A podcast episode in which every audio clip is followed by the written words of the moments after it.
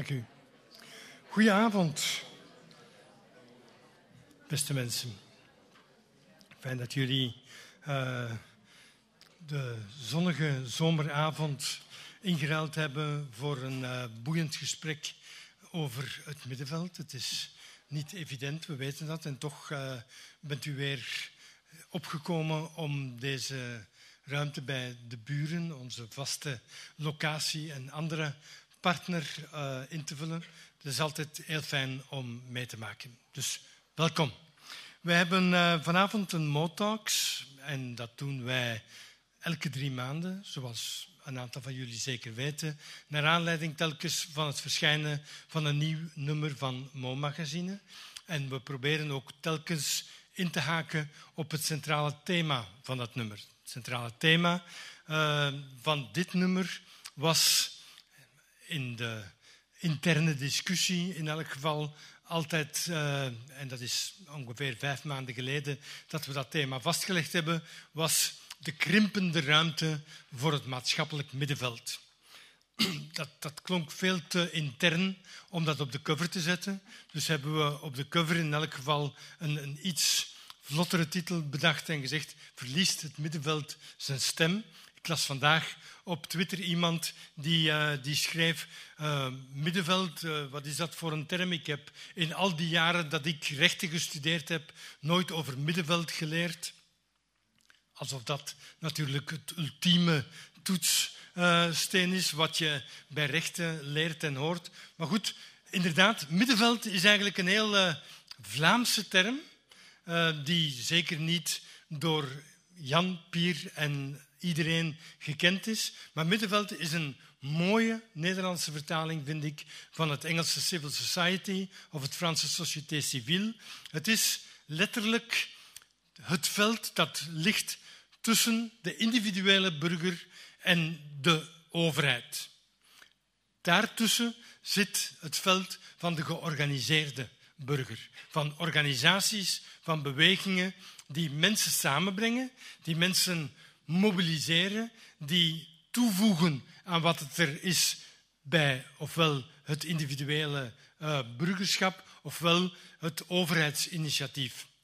En Vlaanderen is waarschijnlijk een van de dichtst bedraden uh, velden ter wereld wat betreft uh, zo'n middenveld, wat betreft organisatiewijze, mensen die zich mobiliseren, die zich inzetten voor alle soorten bewegingen. En dat heeft Vlaanderen ook altijd getekend en, naar mijn gevoel, in elk geval altijd positief getekend. We hebben, uh, daar moeten we ook eerlijk in zijn, ook vandaag, we hebben sinds de jaren zestig hard gebeukt tegen de verzuilde structuren. Want dat middenveld in Vlaanderen, in België, maar zeker in Vlaanderen, heeft heel erg de vorm aangenomen van een verzuild middenveld. Dat, uh, dat was sinds de jaren, eind van de jaren 60 een beetje uit de mode. Dus we waren op zoek naar nieuwe vormen van middenveld. Die zijn er ook gekomen.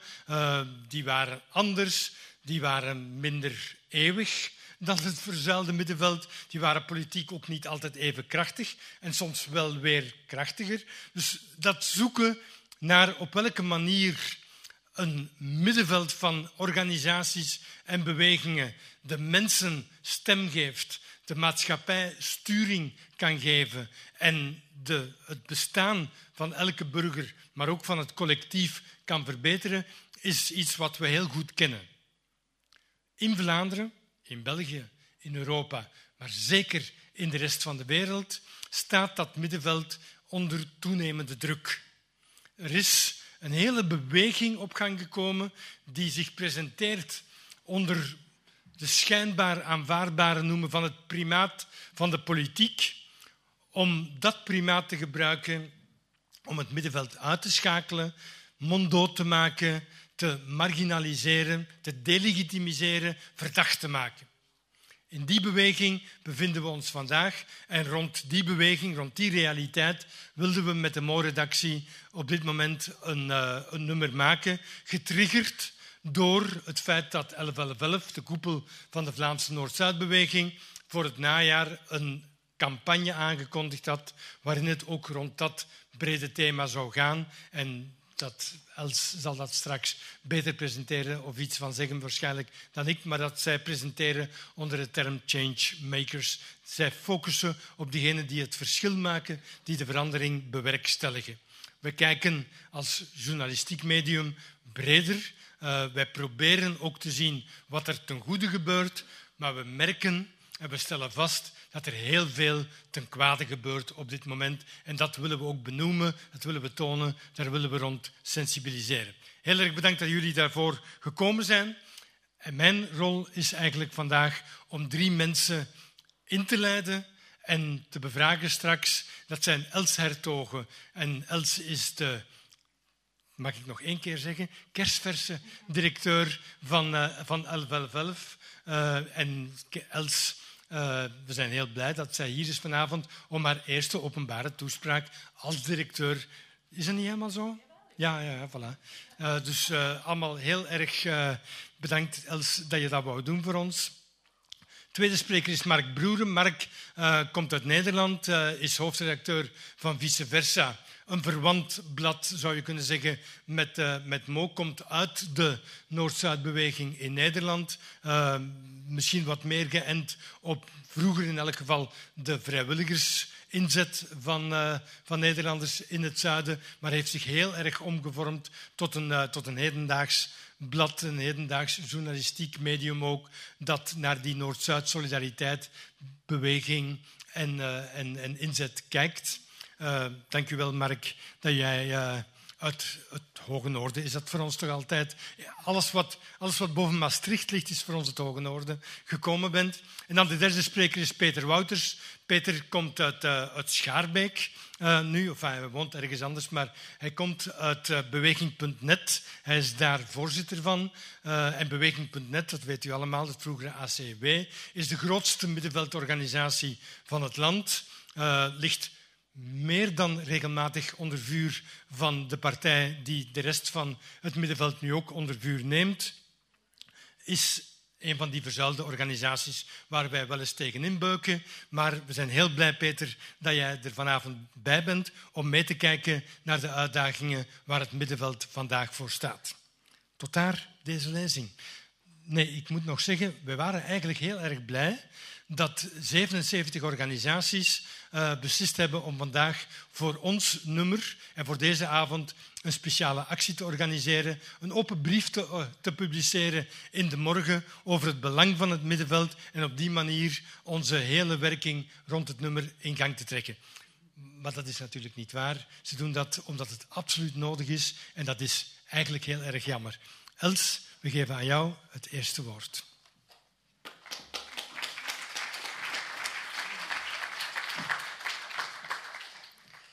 Bedankt Guy, bedankt iedereen om hier vanavond aanwezig te zijn. Bedankt om het kleine risico te nemen om mij inderdaad mijn eerste officiële speech als directeur hier te laten nemen. Maar vooral heel erg bedankt om mij een stelling voor te schotelen waar ik mijn ei eigenlijk volledig in kwijt kan. Um, de stelling waar ik het over ga hebben is het middenveld is geen vrije tijdsbesteding, maar politiek. Een beweging voor maatschappelijke verandering. Nu, om mijn stelling hard te maken, of, of mijn, onderbouwing daarvan, ga ik beginnen met de vraag, wat is het middenveld eigenlijk? Guy heeft er al iets over gezegd. Velen beschouwen het middenveld als de wereld van het verenigingsleven. Dat zich bevindt tussen die driehoek, en die driehoek tussen de burger, de markt en de politiek.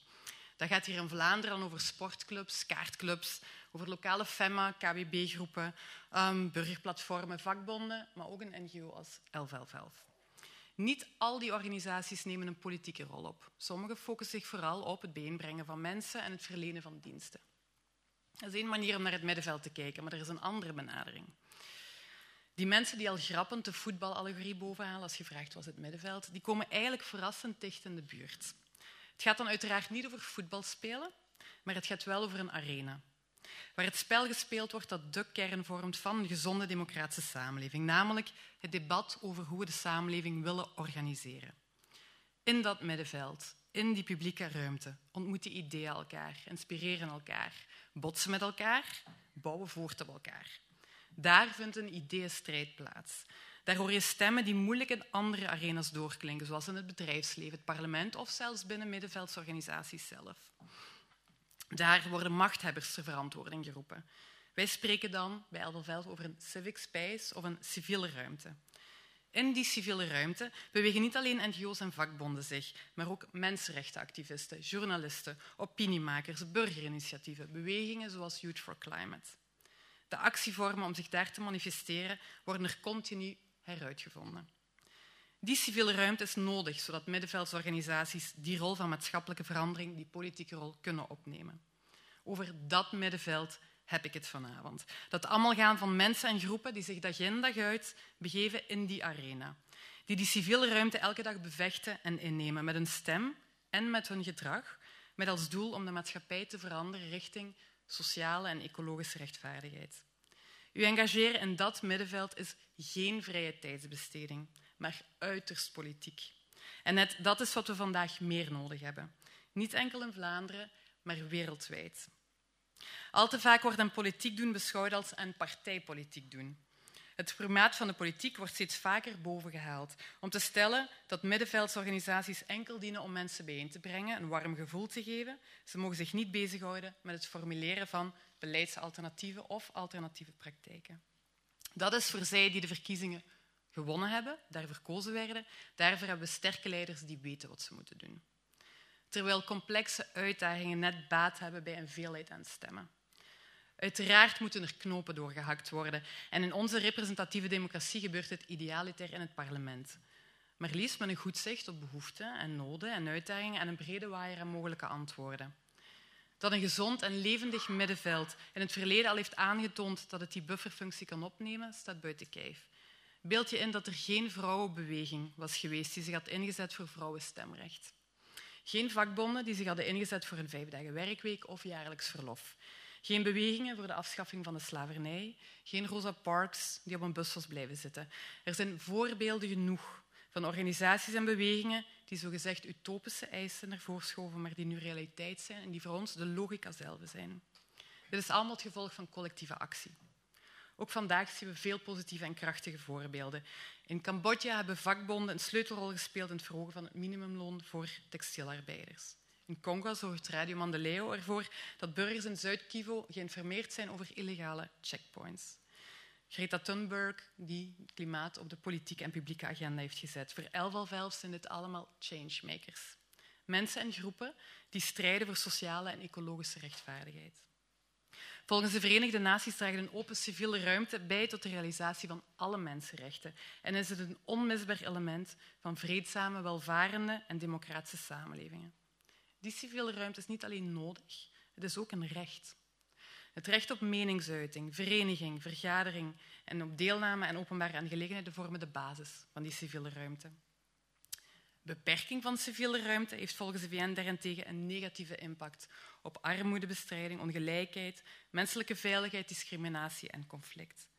En hoewel we al grote stappen vooruit gezet hebben, kampen we vandaag nog met onnoemelijke uitdagingen. Nog steeds leidt 11% van de wereldbevolking honger. Nog steeds leeft 9% in extreme armoede. De planeet wordt leeggeroofd en ondermijnt het levensonderhoud van vele mensen. Een toenemend aantal populistische leiders profiteren van de sociale polarisatie tussen groepen om hun macht uit te bouwen. Dit is onaanvaardbaar in een globale samenleving met zoveel welvaart en kapitaal.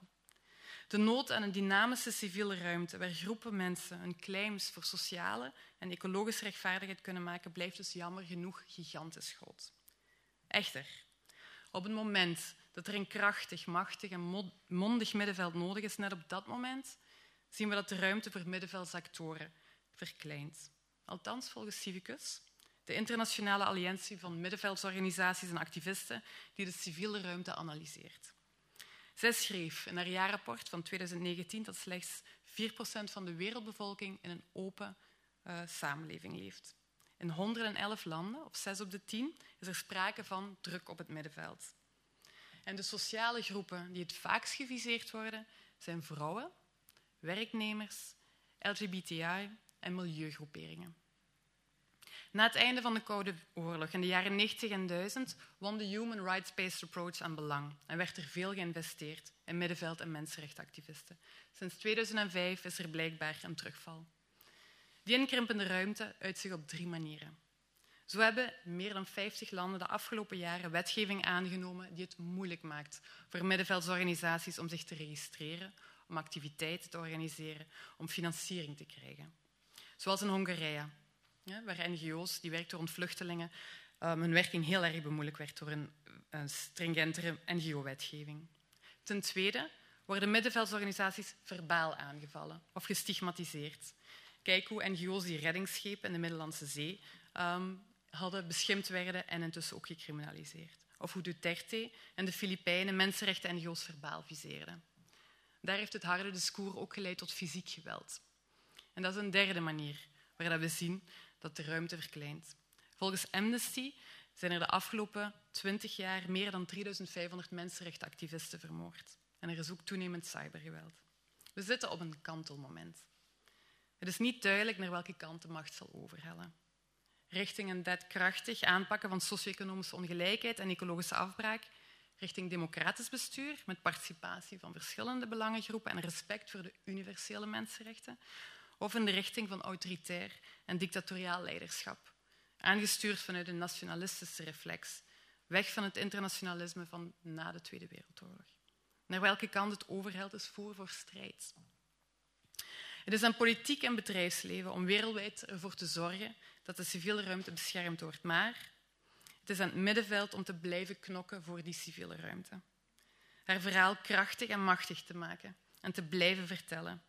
Te zoeken naar nieuwe vormen om een tegenwicht te bieden aan de overmacht van autoritair en rechtsdiscours op sociale media. Om samen te werken en krachten te bundelen. Elkaar te steunen vanaf het ogenblik dat de civiele ruimte verkleind wordt. Hierin volg ik Lysa John van Civicus en haar interview met Guy. Vanaf het ogenblik dat we merken dat een overheid erin slaagt om een groot deel van de bevolking te overtuigen dat alle problemen opgelost kunnen worden als een bepaalde mening of gemeenschap maar voldoende onderdrukt wordt, dan moeten al onze signalen op rood staan. Het is uitgerekend in dat soort situaties dat je een middenveld nodig hebt dat pal staat voor de rechten van elk mens, elk individu, elke gemeenschap. Hoe die politieke strijd gevoerd moet worden, is afhankelijk van de context, het tool en het DNA van een organisatie of beweging. Maar dat we voor turbulente tijden staan op dat vlak is wel duidelijk.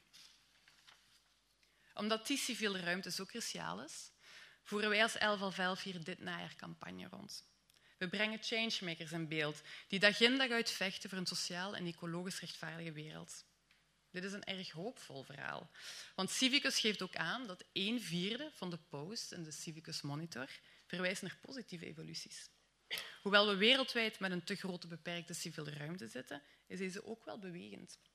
Op sommige plaatsen wordt het slechter, maar op andere beter. Dit door vrijlating van mensenrechtenactivisten, positieve uitspraken door rechtbanken, wetgeving en akkoorden die activisme wel beschermen, zoals onlangs in Latijns-Amerika. In Ethiopië heeft verandering in politiek leiderschap ertoe geleid dat er een verbeterde context is voor civiel activisme. En net zoals Lysa John stelt, mensen zitten niet te wachten tot ze het recht krijgen om zich te organiseren. Ze nemen dat recht, ongeacht de houding van de overheid. En dit leidt soms tot onverhoopte successen. Dit moeten we steunen. Niet uit het belang van ons voortbestaan als organisaties, maar vanuit onze missie en visie om een grotere sociale en ecologisch rechtvaardige wereld te krijgen. De toekomst is aan de wereldverbeteraars, de changemakers. Zij die aan politiek doen in de brede zin van het woord.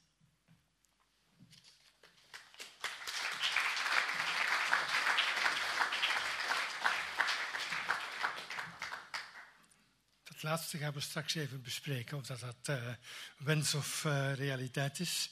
Maar zeker wel, uh, dank u Els voor, voor, dit, voor dit eerste standpunt. Middenveldorganisaties, zeg je, changemakers zetten sociale en maatschappelijke problemen op de politieke agenda. En ze doen dat, ze nemen dat recht, ongeacht of dat de overheid, de politieke overheid, hen dat recht toekent, laat of ontkent. Dit is een vorm van strijd. Uh, en een strijd waar we vandaag op een kantelpunt staan, waar we niet weten waar we overmorgen belanden, maar de uitkomst waar we straks belanden hangt af van de strijd die we vandaag voeren. Heel erg bedankt. Mark Broeren vanuit Nederland uh, met een andere insteek. Mark.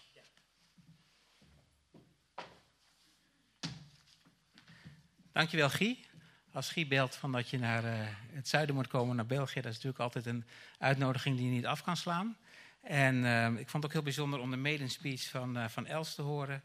Um, ik heb een wat andere stelling meegekregen. Die luidt: Een middenveld dat zich beperkt tot de nationale grenzen is een vogel voor de kat in een autoritaire staat. Dat lijkt een hele logische stelling. Er wordt eigenlijk een beetje mee gezegd dat het goed zou zijn dat maatschappelijke organisaties in landen met een autoritaire staat contacten moeten zoeken met organisaties in de vrije wereld, omdat dit hen bescherming zou kunnen geven. Gevoelsmatig ben ik geneigd om die stelling met ja te beantwoorden. Het is denk ik ook iets wat, wat maatschappelijke organisaties in Nederland en België ook graag willen horen, omdat ze zich toch graag als helpers zien van mensen en organisaties elders in de wereld. Maar de praktijk is denk ik toch een stuk weer barstiger. En die stelling is ook veel makkelijker gezegd dan dat die in de praktijk uitpakt. Laat ik die weerbarstigheid eerst eens illustreren met een concreet voorbeeld. Neem een land als Oeganda. Dat is persoonlijk mijn favoriete journalistieke land, waar ik sinds 1992 al heel vaak kom als journalist. En ik wil er even um, inzoomen op de positie van homoseksuelen in Oeganda. Die positie van homoseksuelen is niet bepaald te benijden, omdat president Museveni en zijn vrouw Janet het als een ziekte zien die te genezen is. Toch werd homoseksualiteit altijd oogluikend getolereerd in Oeganda en zolang je er niet te openlijk voor uitkwam, kon je een redelijk normaal leven leiden. Totdat Oegandese homoactivisten samen met westerse maatschappelijke organisaties openlijk campagne gingen voeren voor de rechten van homo's. President Museveni reageerde als door een wesp gestoken en hij voerde kort daarop een verscherpte homowet in, waarin homo's gevangenisstraffen eh, tot levenslang konden krijgen en waar iedere burger verplicht ook werd om homo's aan te geven bij de politie. De gevreesde paparazzi-krant, de Red Pepper, begon namen te publiceren van homo's en homoactivisten, waarna verschillende van hen de afgelopen jaren uh, mishandeld of vermoord zijn. Wat goed bedoeld was en ook heel legitiem was, namelijk campagne voeren voor de rechten van homo's, had uiteindelijk een averechts effect. Voordat westerse maatschappelijke organisaties campagne gingen voeren, was de positie van homoseksuelen in Oeganda al niet te benijden. Maar nadat ze lokale activisten begonnen te ondersteunen, zijn Oegandese uh, homo's eigenlijk vogelvrij verklaard. Van bescherming vanwege contacten met westerse organisaties was eigenlijk geen sprake. Integendeel zelfs. We praten vandaag over het maatschappelijk middenveld dat wereldwijd onder druk staat. Het is een trend, zoals Els ook al aangaf, die zich helaas steeds verder voortzet. En daarbij zie je juist dat die echte of vermeende contacten met organisaties uit het Westen, zoals Nederland of België of elders, vaak wordt gebruikt door regeringen om nog strengere wetten in te stellen en op te treden tegen maatschappelijke organisaties. Door lokale organisaties te brandmerken als spreekbuis van het Westen en door steeds strengere eisen te stellen aan het ontvangen van buitenlandse financiering, proberen overheden kritische organisaties vleugellam te maken. Je ziet het bijvoorbeeld aan het jargon dat gebruikt wordt. In Rusland zijn NGO's eh, sinds 2012 zich te uh, verplicht zich te registreren als foreign agent, als buitenlandse agent dus, wanneer zij geld uit het buitenland ontvangen of zich bezighouden met politieke activiteiten. Het stempel buitenlands agent is een duidelijke connotatie naar, naar, de Koude Oorlog en impliceert eigenlijk dat de betreffende organisatie een spion is van het Westen. Ook in India, de grootste democratie ter wereld, worden kritische NGO's gebrandmerkt als vijanden van de staat en geïntimideerd.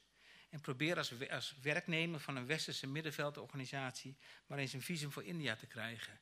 Het is denk ik een van de weinige landen ter wereld waar je eenvoudiger als journalist een visum kunt krijgen dan als medewerker van een westerse NGO.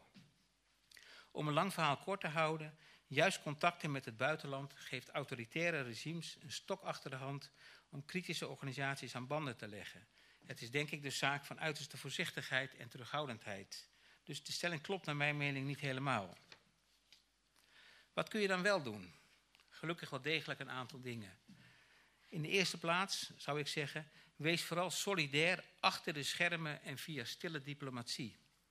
Autoritaire leiders zijn niet erg onder de indruk van westerse middenveldorganisaties en gebruiken ze, zoals ik aangaf, als argument om de speelruimte van lokale organisaties verder te beperken. Maar waar ze wel gevoelig voor zijn, is kritiek van machtige organen die ze niet zomaar even weg kunnen zetten. Een goed voorbeeld is Hongarije.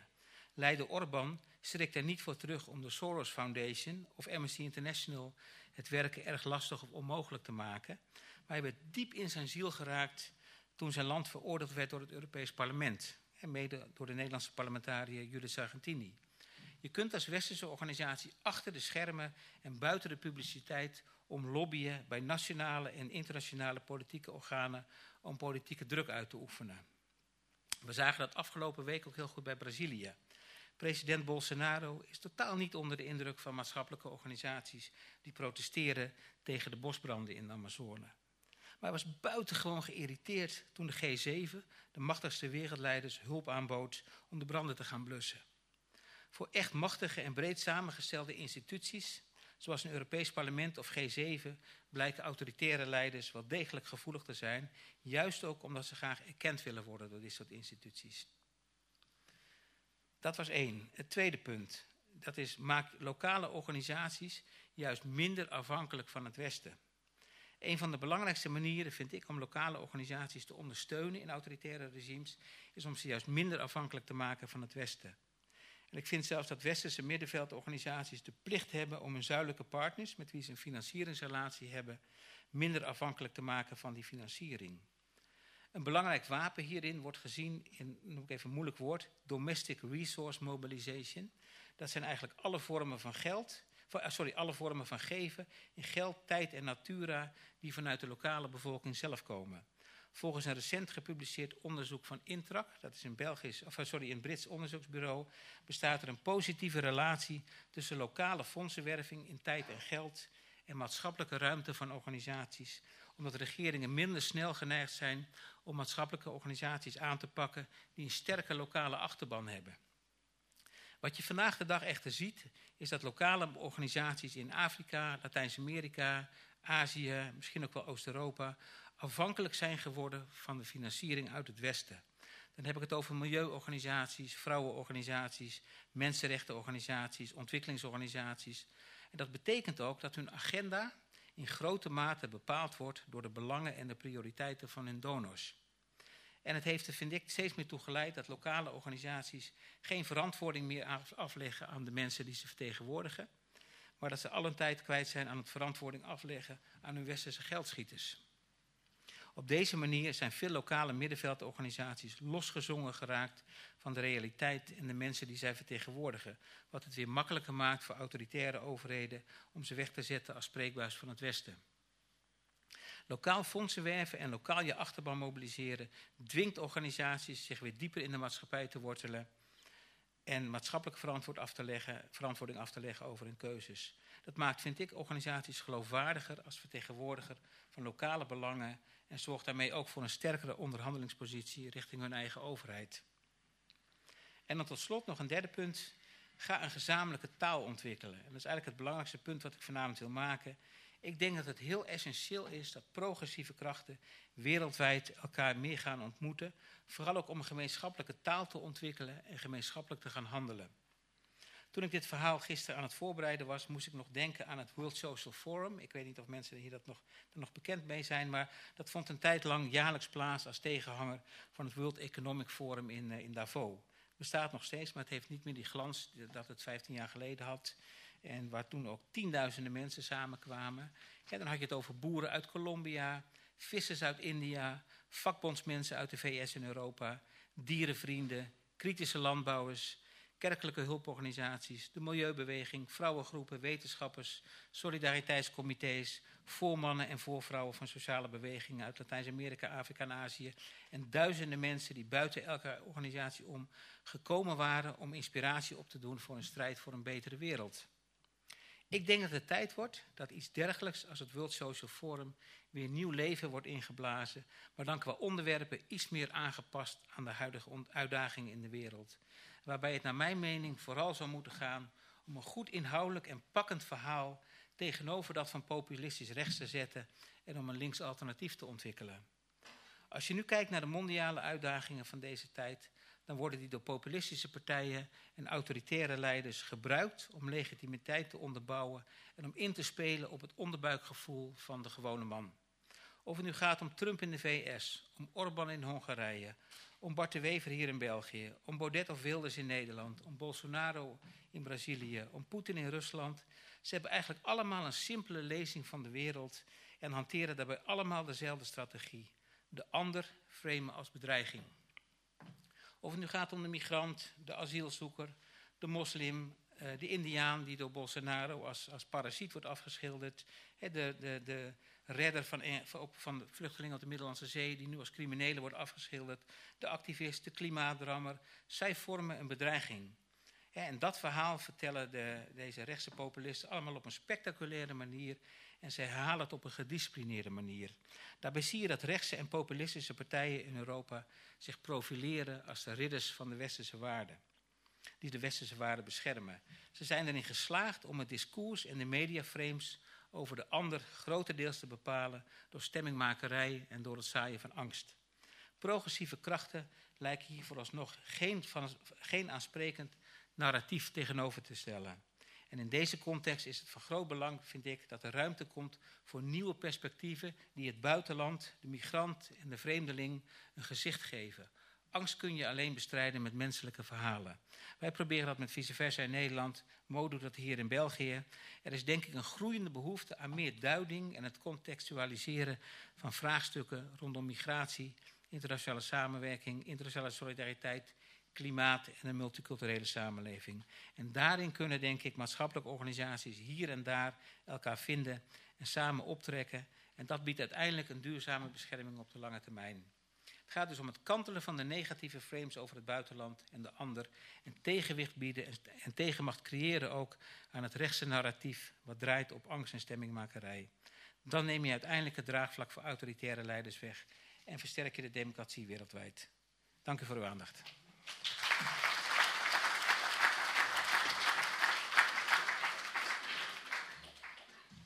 Dank u wel, Mark. Een, eh, een heel uitdagend, een heel helder perspectief op, uh, op de opdracht. Uh, want ik, we hadden jou inderdaad gevraagd om, om naar die druk op het middenveld te kijken vanuit een Noord-Zuid, van een internationaal perspectief, omdat je er ook al zoveel jaren mee bezig bent.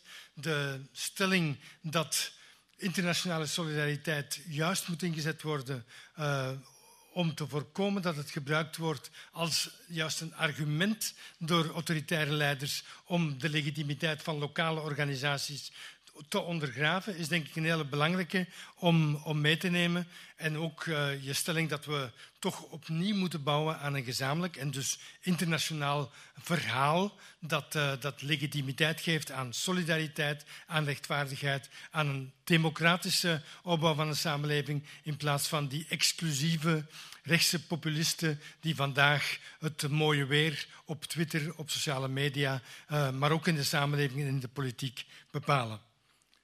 Goeie tweede stelling, derde stelling, Peter Wouters.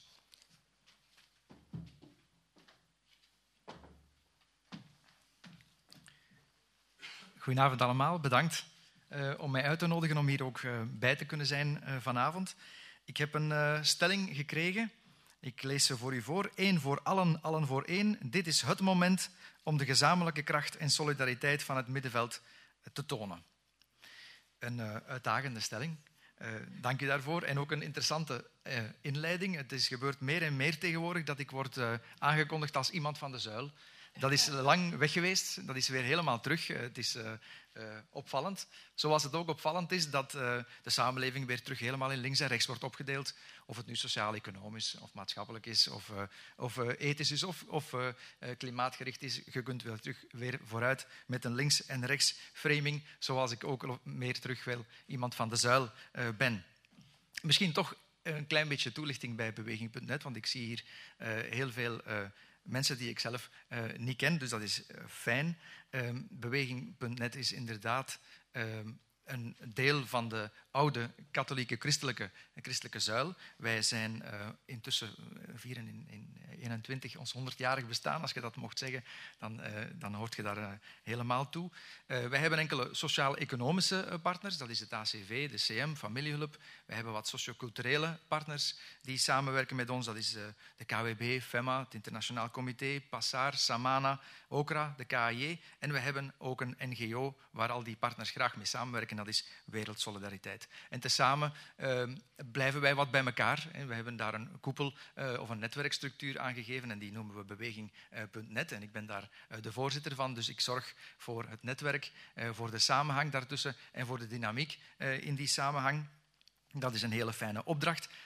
En om u een idee te geven over de historische dynamiek die daar ontwikkeld is, ik denk dat al die partners samen ongeveer op een 4000 plaatsen in Vlaanderen een lokale kern hebben.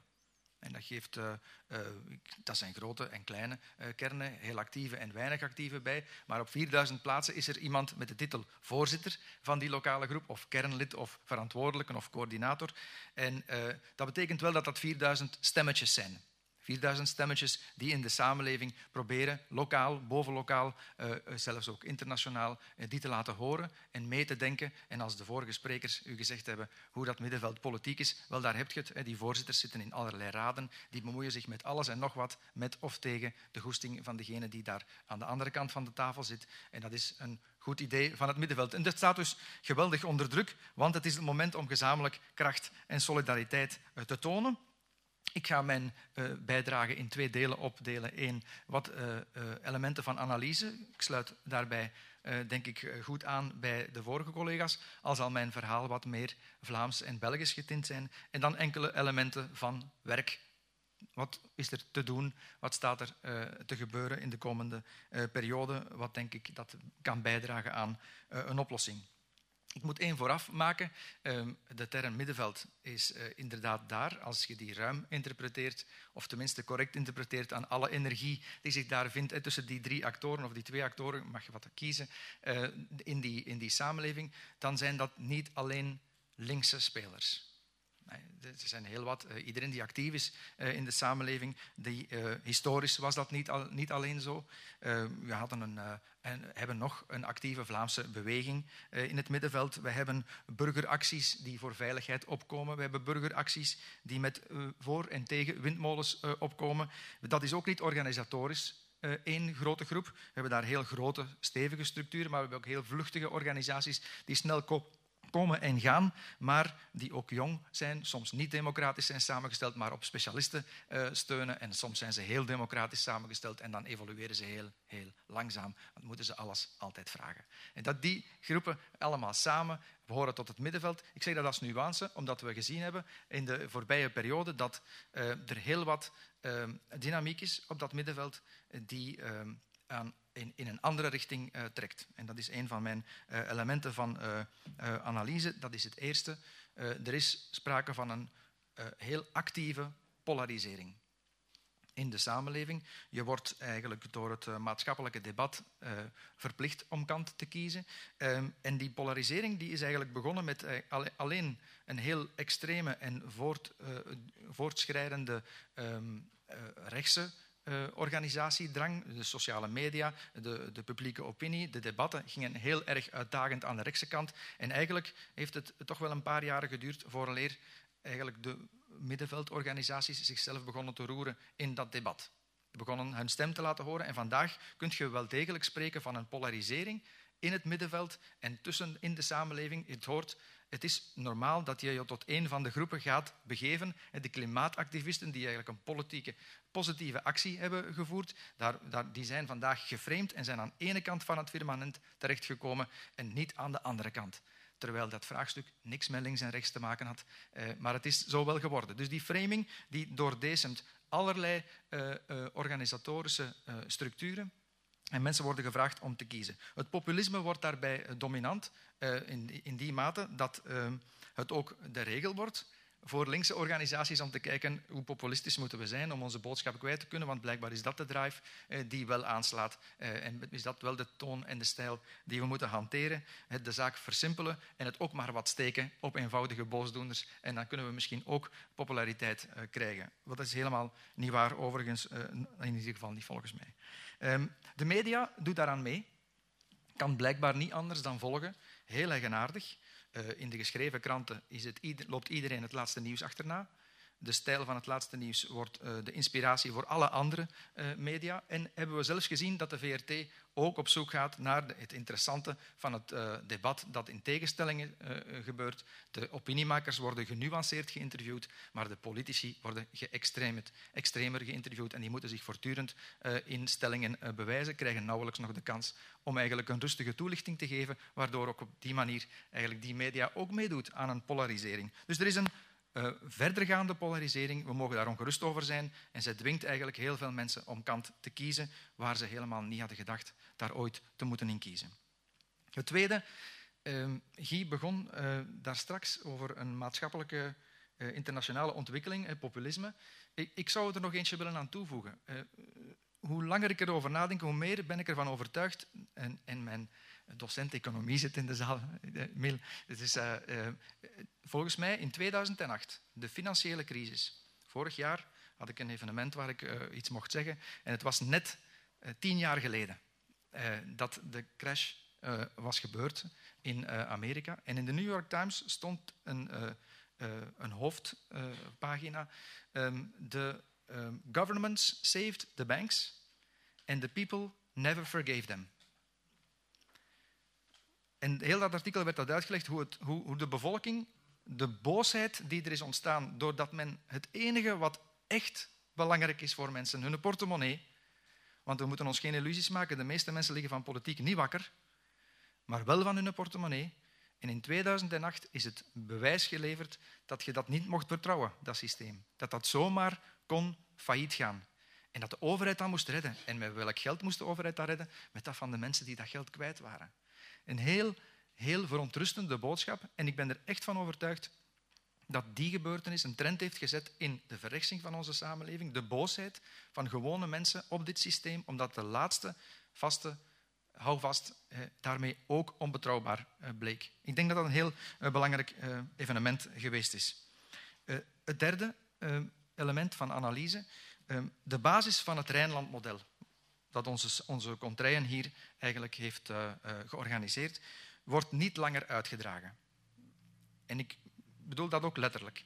Uh, ik heb de leerplannen gezien van het BSO. Heel wat groepen, heel wat richtingen van het TSO. Daar komt niks meer in voor dat verwijst naar de basiselementen van het Rijnlandmodel.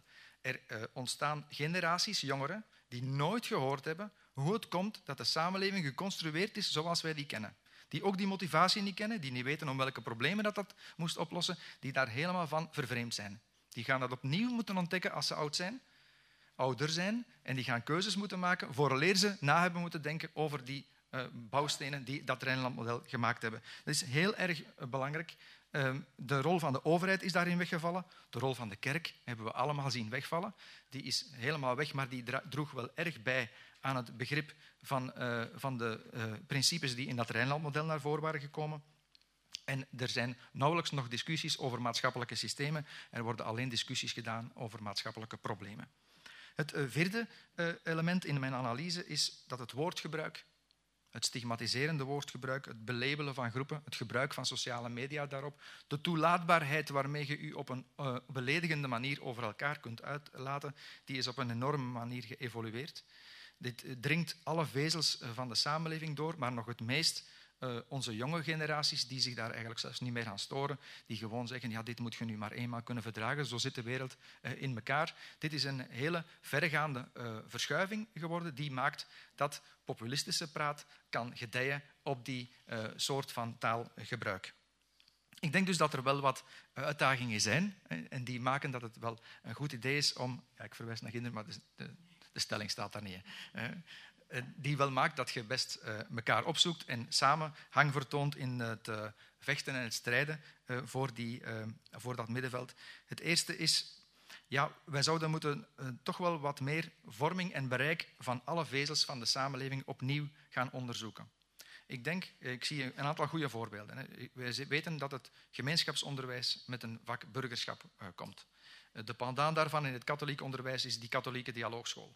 Beide zijn voor discussie vatbaar, daar zitten beide eh, goede ideeën in, maar het is eh, voor het eerst daar een kans om opnieuw over een aantal principes te gaan debatteren met jonge mensen op het moment dat ze zich aan het vormen zijn in hun leven. In de lagere school, in de secundaire school, hopelijk ook uh, met debatten in, uh, in alle richtingen, uh, in welk secundair systeem dan ook dat er in de toekomst mag komen. Heel erg belangrijk dat alle vezels van de samenleving opnieuw kunnen bereikt worden met een taalgebruik, maar met een discussie over principes die belangrijk zijn over hoe dat wij hier willen samenleven met elkaar.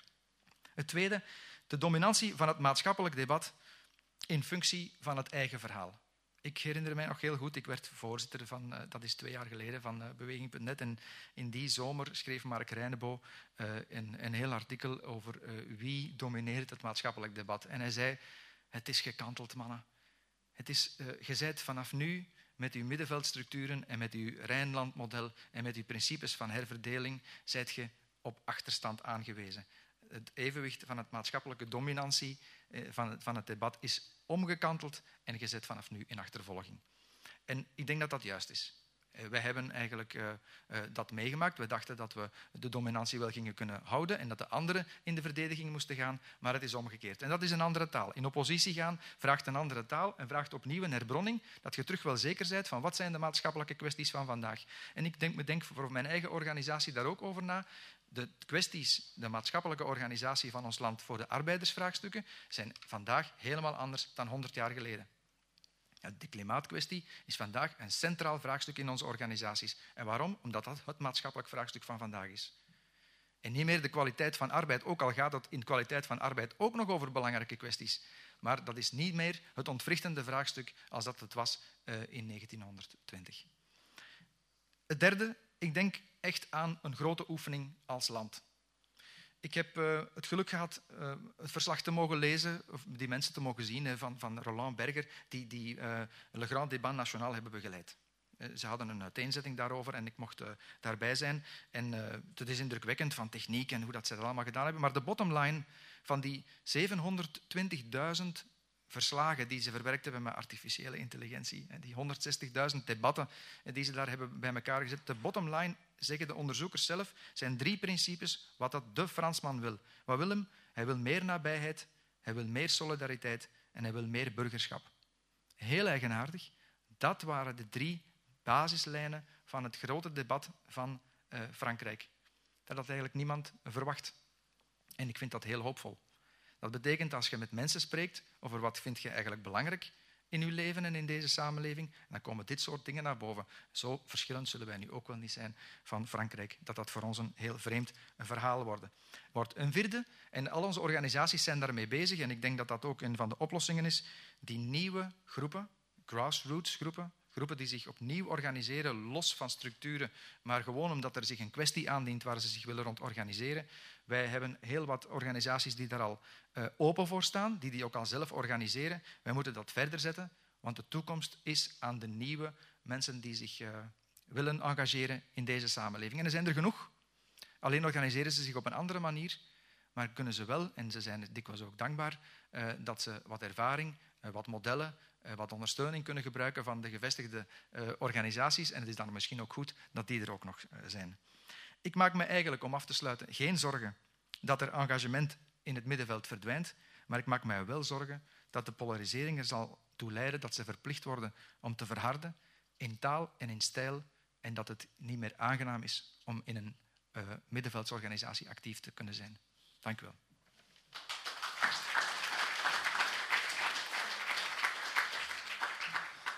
Dank u wel, Peter, voor, uh, voor, voor jouw aanbreng in het, uh, in het geheel van, van de avond. Uh, met, met een duidelijk, duidelijk geworteld in een praktijk van een, van een grote organisatie die vele kamers heeft, vele uitzichten ook op de, op de samenleving.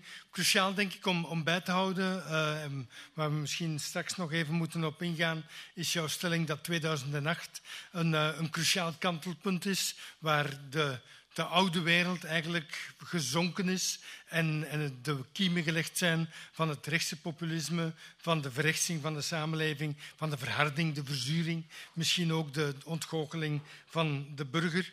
Daartegenover staat dat de burger niet weg is, dat hij niet opgegeven heeft, dat er engagement blijft, dat er inderdaad betrokkenheid blijft. De drie grote principes die je haalt uit dat Grand Débat National, nabijheid, solidariteit en burgerschap zijn fundamentele uh, principes die het middenveld ankeren uh, en die waarschijnlijk ook uh, uitzicht geven op een nieuwe toekomst, zowel voor het middenveld als voor de hele samenleving. Dank u wel alle drie voor verhelderende en klare inzichten en om dat heel goed voor te bereiden. Dank u wel. We gaan nu straks trouwens vragen om die teksten uh, te mogen publiceren op Mo, zo zijn we dan.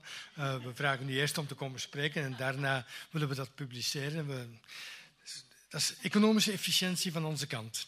Mag ik u vragen om uh, op de witte stoeltjes plaats te nemen? Dan krijgen jullie microfoons aangemeten en dan gaan we even met elkaar in gesprek gaan. Je mag al komen plaatsnemen. We gaan nog even discussiëren onder de drie, uh, of met de drie inleiders. En dan zorgen we er in elk geval ook voor dat er ook tijd is om met, uh, met u, met uw vragen, ook nog even verder door te bomen.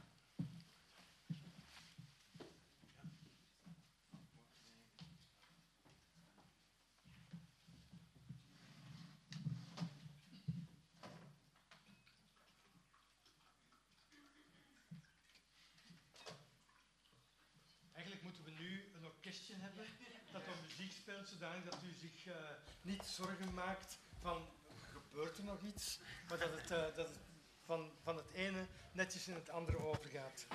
Maar het budget laat dat niet toe. Want zo'n strijkje dat kost toch weer direct minstens evenveel en waarschijnlijk veel meer dan drie gedegen sprekers op een avond. Intussen uh, mag ik u er misschien op wijzen, terwijl de rest van het panel opgetuigd wordt, dat uh, het, het, nummer van Mo dat u meekrijgt vanavond is in principe deel van een jaarabonnement.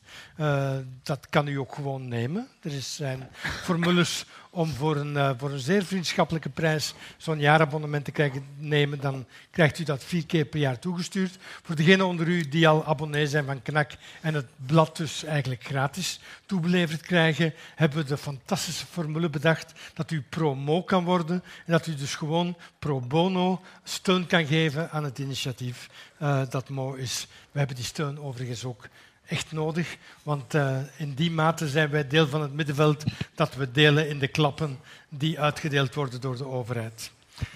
dit was geen reclamespotje, dit was gewoon om de lege tijd op te vullen.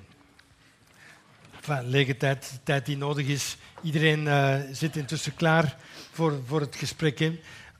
Misschien moeten we, moeten we eerst even uh, vertrekken bij, bij een een klein detail bijna dat Mark aanbracht in zijn verhaal en dat, uh, dat ik wel interessant vind, maar dat heeft misschien ook te maken met de leeftijd.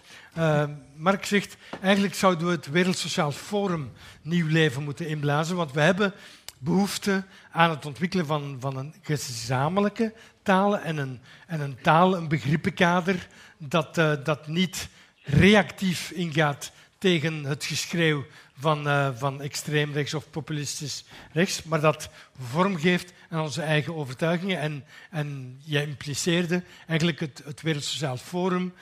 Ja. Deed dat in het begin van de jaren 2000? Ja, en daarbij had ik eigenlijk ook, jij noemde 2008 hè, als, als moment dat er eigenlijk een omwenteling was en dat er een enorme verrechtsing plaatsvond, omdat er een soort aversie was tegen die ineens soorten van die banken en zo. Wat apart is, ik denk dat er al veel eerder een omwenteling kwam, namelijk in 1999, hè, met de zogenaamde Battle of Shuttle. Jij weet waarschijnlijk nog wel wat het was. Toen was er een soort enorme aversie ook tegen de Wereldhandelsorganisatie. Er was er eigenlijk ook een ontzettende aversie tegen het systeem. Alleen het verschil was dat daar daarna eigenlijk tot zes bijna gloriejaren leiden van de anders globalisten, van juist een progressieve beweging. Dus toen werd alle onvrede gekanaliseerd naar het World Social Forum, naar een hele progressieve beweging. Terwijl je nu eigenlijk, na 2008, is dat helemaal gekanaliseerd naar een hele verrechtsing. En dat vind ik wel interessant om te kijken hoe dat. Ik heb daar zelf geen mening over, maar of, uh, hard over na te denken hoe dat nou kan. Hè, op het ene moment uh, gebeurt er iets soortgelijks met de WHO, met de, met de WTO, met alle aversie die er tegen is. Je kreeg, jongen, je kreeg bijna anders globalisten, sterren, zoals Naomi Klein, die schreef boeken. Je had die Franse activist Jean Beauvais, die boerenleider. En dat, dat leidde tot een progressieve beweging. En ehm, negen jaar later vallen de banken in elkaar en dezelfde onvrede. Maar dat leidt tot een enorme verrechtsing. En dat vind ik wel interessant. Ik heb daar zelf geen antwoord op, maar het is wel iets wat me opvalt. Het is zeker interessant, maar het gaat de rest van de avond vullen om te proberen om dat te beantwoorden. En, wat ik interessanter vind voor vanavond is, is er op dit moment, anno 2019, 2020, is er iets mogelijk op internationaal vlak dat van verre zou lijken op wat het Wereld Sociaal Forum 15 jaar geleden betekende. 2000, 2005 was het werkelijk, zoals jij zegt, bijeenkomsten van 50 tot 100.000 mensen.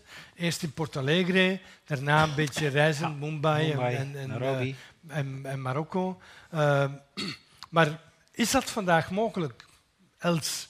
Um, ik vind Elsens wel iets heel interessants dat is opgebracht. Misschien toch even gaan. Waarom is dat na 2008 niet gebeurd? Want je had op dat moment wel de Occupy-beweging, die heel diffuus was en niet die kracht heeft gehad. Misschien is een van de redenen wel dat we die beweging gehad hebben, het Wereld Sociaal Forum, maar dat we gemerkt hebben als progressievelingen, wat heeft het eigenlijk uitgemaakt? Want in 2008 heb je dan toch ineens die financiële crisis, waar dat eigenlijk de machtigen totaal niet het pad kiezen van, van de progressieven. Dus ik denk dat wij gewoon een heel aantal jaren als progressieve krachten wat, um, ja, overdonderd zijn geweest van oké, hoe dan die, die machten wel opbouwen. Ik was er toen ook niet met Wereld Sociaal Forum, dus misschien is dat wel interessant om eens te kijken. Wat, misschien waren wij toen op dat moment ook te geïnstitutionaliseerd geraakt door bijeen te komen enzovoort. Wat ik wel denk intussen, um, doordat er op zoveel plaatsen in de wereld die autoritaire leiders zijn, er zoveel voorbeelden zijn waarbij dat er niet met moedig leiderschap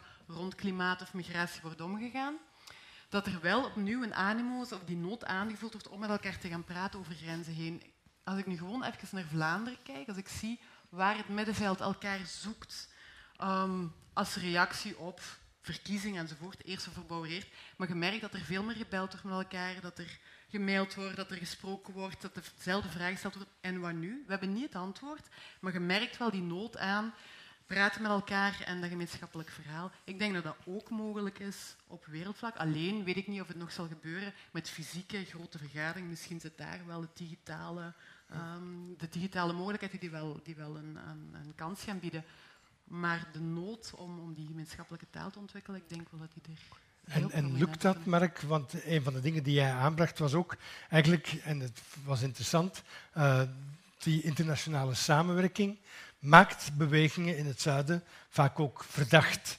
Uh, en, en uh, wordt, of wordt gebruikt. Want het is natuurlijk, je moet niet aan victim blaming gaan doen. Het is niet omdat bewegingen samenwerken dat ze, dat ze dan verdacht gemaakt worden. Dat wordt gebruikt om Precies, hen verdacht ja. te maken. Dat is, ja. een, ander, dat is, een, dat is een verschil. Maar, maar is dat een van de redenen misschien waarom het zo moeilijk geworden is om zo'n mondiale beweging proberen uh, bij elkaar te brengen vandaag? Nou, je bent altijd in het defensief. Hè? Dat is op dit moment het, uh, denk ik het probleem. Je bent altijd in het verdomhoekje, je moet je altijd verdedigen. En het zijn altijd de, de, de, de andere mensen die het publieke debat uh, bepalen. En ik denk dat je dat moet zien om te draaien. Ik geloof altijd een beetje in het... Uh, en een beetje de Nederlandse voetbalfilosofie misschien ook, dat de aanval de beste verdediging is. Was vroeger, dat, denk ik, hè? Ja, maar nog steeds wel, hoor. Maar, uh, ik over het was vroeger iets succesvoller. Ik zou het ook erg interessant hebben gevonden als Louis van Gaal zijn visie over het middenveld zou hebben gegeven. maar dat tezijde. Kijk, ik denk dat je dat... Maar daar zie je denk ik wel, en ik ben het met jou eens dat misschien echt een hele grote samenkomst en niet meer van deze tijd is. Maar wat je overal ziet is die framing van de ander. En dat is denk ik wel een rode draad.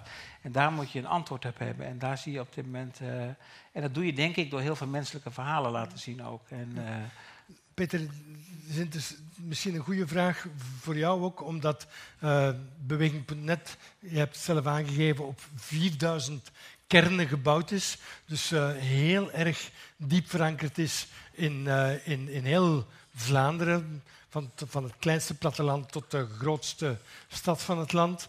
Uh, als, als Mark het heeft over de ander als, als een soort argument of als het fundament misschien waar populistisch rechts zich op baseert. hoe speelt dat in, eh, in zo'n brede beweging of in, in lokale organisaties. Ik kan me voorstellen dat, eh, dat het dat niet zo eenvoudig is of dat het niet zo helder is als in uh, NGO's die een duidelijke doelstelling hebben en die zich afzetten tegen die ideologie. Als je met lokale kernen werkt, werk je met lokale ervaringen. En, en dat is misschien tegelijkertijd wat moeilijker, maar, maar misschien ook net realistischer. Ik weet niet hoe dat jij dat ziet. Maar misschien op, in de eerste plaats de, de, mobilisatiekracht. Ik ben daar niet zo van overtuigd dat die niet zo groot meer is. Uh, uh, we zien toch vandaag heel wat voorbeelden. We hebben nu Hongkong gezien. Ja, Als er een echt, echte kwestie op tafel ligt en de mensen hebben niks te verliezen, dan denk ik dat er hoge mobilisatiekracht is. We moeten dat toch ook zeggen dat in, in ons land de meeste organisaties redelijk gestelde lichamen zijn, die iets te verliezen hebben in spanningen met overheden en die dus misschien minder dan dat ze zouden kunnen combatief zijn. Misschien zijn ze ook minder bezig met de kwesties waar ze zouden moeten mee bezig zijn. Ik, ik heb, uh, ik, ik heb, Geef eens een voorbeeld uit eigen praktijk. Wel, als wij zien dat in, in lokale omgevingen, uh, naar aanleiding van de gemeenteraadsverkiezingen, hebben wij uh, in ongeveer 230 gemeentes een, een, een, een overleg gehad uh, soms een traject gehad. Dat heeft geleid tot aandachtspunten voor het komende uh, bestuur. En dat heeft goed gewerkt. Wij, 230 plannen is eigenlijk veel van de 300 gemeentes in, die, die, die, we hebben. Ehm, dat is was voor ons wat onverwacht veel, maar wat was de, de, aanleiding? Wel, heel wat mensen hadden heel concrete vraagstukken waar ze wel oplossingen voor wilden zien. En die waren dan dikwijls door een eh, hele kleine leefomgeving eh, eh, geïnsinueerd, door een probleem aan de schoolomgeving of door een, een, een, een relatie met van de ene buurt tegenover de andere buurt. Hele hands-on kwesties, maar die motiveren en mobiliseren wel mensen heeft ertoe geleid dat er heel wat plannen zijn, zijn ingediend, een beetje tegen onze verwachting uh, in. We hebben een vijftienduizendtal voorstellen gekregen die, uh, op zo'n digitaal platform dat we daarvoor gemaakt hadden. We waren eigenlijk wel, uh, wel blij dat dat werkte, want soms, als we zelf een idee hebben, van dat moet toch een vraagstuk zijn, we injecteren dat in de structuur, dan komt er op het einde niks uit. Nauwelijks iets uit. En ik geef een voorbeeld, de, de oproep voor de laatste klimaatbetoging hebben wij meegesteund. Er was om zeggen geen volk dat ik kende op die betoging. Ja. En dus dan zien we dat, daar, dat je daar dus de mobilisatiekracht kwijt bent en je dus moet vaststellen dat je niet hebt aangesloten bij het belang van je groepen. Er was een zekere moeheid, of je kunt van alles uh, verzinnen daarvoor, maar als het echt is, denk ik dat het werkt. En zit daar dan heel kort in die, dat is moeilijk hè, in 15.000 voorstellen, zit daar dan, uh, kan je daar ook zo drie grote bezorgdheden uithalen, zoals die artificiële intelligentie. Ja, voor de lokale verkiezingen is, is, dat, is dat duidelijk voor ons. Dat gaat over uh, samenlevingsvraagstukken. Dus hoe de, de, herkennen kennen van mensen, er iets mee te maken hebben, er samen een pint mee pakken, op dezelfde evenementen mee verschijnen. Dus een, een wens tot uh, verbinding. Maar de andere twee waren basaler. Dat ging over veiligheid en over in mobiliteit en verkeerssituaties en schoolomgeving. Dus dat waren de hoofd uh, thema's uh, in de lokale verkiezingen. We hebben zo geen bevraging gedaan voor federale of Vlaamse. Het zou misschien wel interessant geweest zijn om daar ja. iets van te krijgen. Lokaal is dat ook een begrijpelijke. Uh, ja, maar levert dat dan voor een, voor een, voor een middenveld, voor, voor jullie, een nieuwe dynamiek op? Of, of zit je dan met een, met een boodschap van onderuit waarvan je zegt: wat moeten wij daar nu mee als nationale beweging? Nee, de, de, dynamiek die dat oplevert voor die lokale blijft lokaal. Dus dat levert geëngageerde mensen op die later raden gaan bevolken en die uh, uh, in, in inspraakmomenten gaan, gaan verschijnen en die ook dikwijls bovenlokaal dan interesse vertonen. Dus voor ons is dat een bron van engagement dat je daardoor aanboort. maar het is niet zo dat dan grote organisaties daar hun thema's op gaan afstemmen de, die dynamiek, en dat is een, eh, een heel eigenaardige evolutie in, in, het sociocultureel werk, is het decreet de baas. En het decreet vraagt een vijfjarenstrategie. En die vijfjarenstrategie die heeft het moeilijk om met de actualiteit van de dag om te gaan. Dus onze grote organisaties worden eigenlijk een beetje door een overheidsdecreet gekneed uh, in, in, in, goed bedoelde uh, doelgerichtheid, maar waar daardoor ook minder maatschappelijke combativiteit. Elsje mag daarop reageren. Ik, ik gooi er een vraag bij. Zou het dan kunnen dat de aanval, als je het zo mag noemen, die nu komt vanuit die overheid op het middenveld. Het middenveld opnieuw dwingt om autonomer te gaan denken en om zijn eigen doelstellingen te formuleren. Maar je wou daar eerst Ja, ik wou op eerst reageren. aanvullen, want het, eh, het verhaal van Femma, die eigenlijk ook in jullie ja, netwerk, groep is, ja. vind ik een heel sterk verhaal. Dus ze hebben ook een bevraging gedaan bij hun achterban van wat drijft jullie eigenlijk. Dat was met de, de, de methodiek van met, met dagboeken te werken. Maar alles wat daarboven kwam was, was een heel persoonlijk verhaal waar dat ze mee worstelen, is de combinatie werk en privé. En wat Femma toen gedaan heeft, heeft gezegd van oké, dat gaat echt onze agenda bepalen. En ze hebben dan een, eh, de combinatie werk-privé als speerpunt genomen, ook politiek. Dus ze hebben een dossier rondgemaakt, eh, academisch onderzoek, onderzoek. Maar ze hebben ook besloten om dit jaar effectief met de 30 uur werkweek te werken. Dus ik vind dat een heel sterk voorbeeld. En dat is dan los van oké, wat er verwacht wordt van de overheid. En dat, dat schudt ook wel volgens mij het middenveld door elkaar. Maar ze hebben ervoor gekozen om politiek een sterk dossier naar voren te brengen, om daar in de praktijk ook effectief zichzelf naar te organiseren, zodat ze dat, ja, van daaruit ook een sterke claim kunnen maken. En het is echt wel eh, aangestuurd vanuit, vanuit eh, hun leden. Ze hebben gesprongen, dus dat houdt ook een risico in onze middenveldsorganisatie, want gewoon zeggen, oké, we blijven investeren in de groepen die we hebben. Dat was voor hen duidelijk, dat is niet de toekomst. Dus ik denk dat zij op dit moment niet echt weet waar ze voor twee jaar staan. Maar ik vind dat wel een heel inspirerend voorbeeld. Maar het is ook Ehm, misschien een voorbeeld van de kloof tussen de dynamiek van een, van een nationaal secretariaat, van een nationale werking die een duidelijk standpunt inneemt en daar op een heel creatieve en politieke manier mee omgaat. En een lokale nee, werking van. FEMA Tuurlijk. die, die daarop staat te kijken en die Voilà. waarschijnlijk En ik- voilà. nog altijd dezelfde activiteiten organiseert als 50 Behalve- jaar geleden. Ik denk dat je een aantal jongere kernen hebt die daar enorm door geïnspireerd zijn. De Ja. oudere kernen zeggen van oké, nu komen die Brusselse dames met hun botjes af.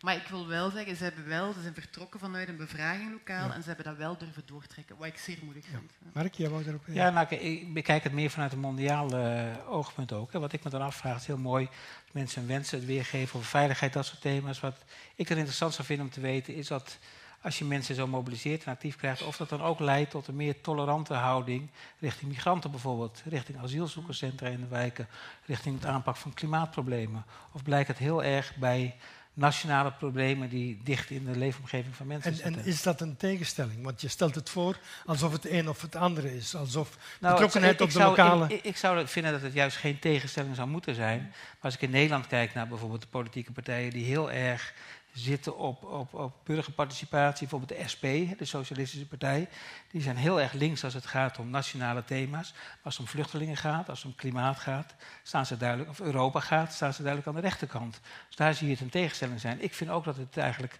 eh, hetzelfde is eigenlijk, maar ik vraag me dat dan, ik ben daar wel benieuwd naar of dat. eh, in hoeverre dan dat soort onderwerpen ook bespreekbaar zijn. Ja. Een van de, de zaken die in het, eh, in het interview met Lisa John naar voren kwam, eh, waar, waar Elsa straks ook uit citeerde en in het nummer staat, is eh, Lisa zegt op een bepaald moment het feit dat, dat we zo onder druk komen te staan van de overheden, is eigenlijk een uiting van het falen van de overheid zelf. Ze, ze slagen er zelf niet in om in 2008 een antwoord te geven, of in 1999 of in 2001 geven ze het verkeerde antwoord. In elk geval, de overheid faalt, kleedt zichzelf uit ook onder de neoliberale ideologie. En, en uiteindelijk verhaalt men dat falen op een middenveld en beschuldigt men dat middenveld van in de plaats te willen staan van de overheid en in de weg te staan van, van de vooruitgang.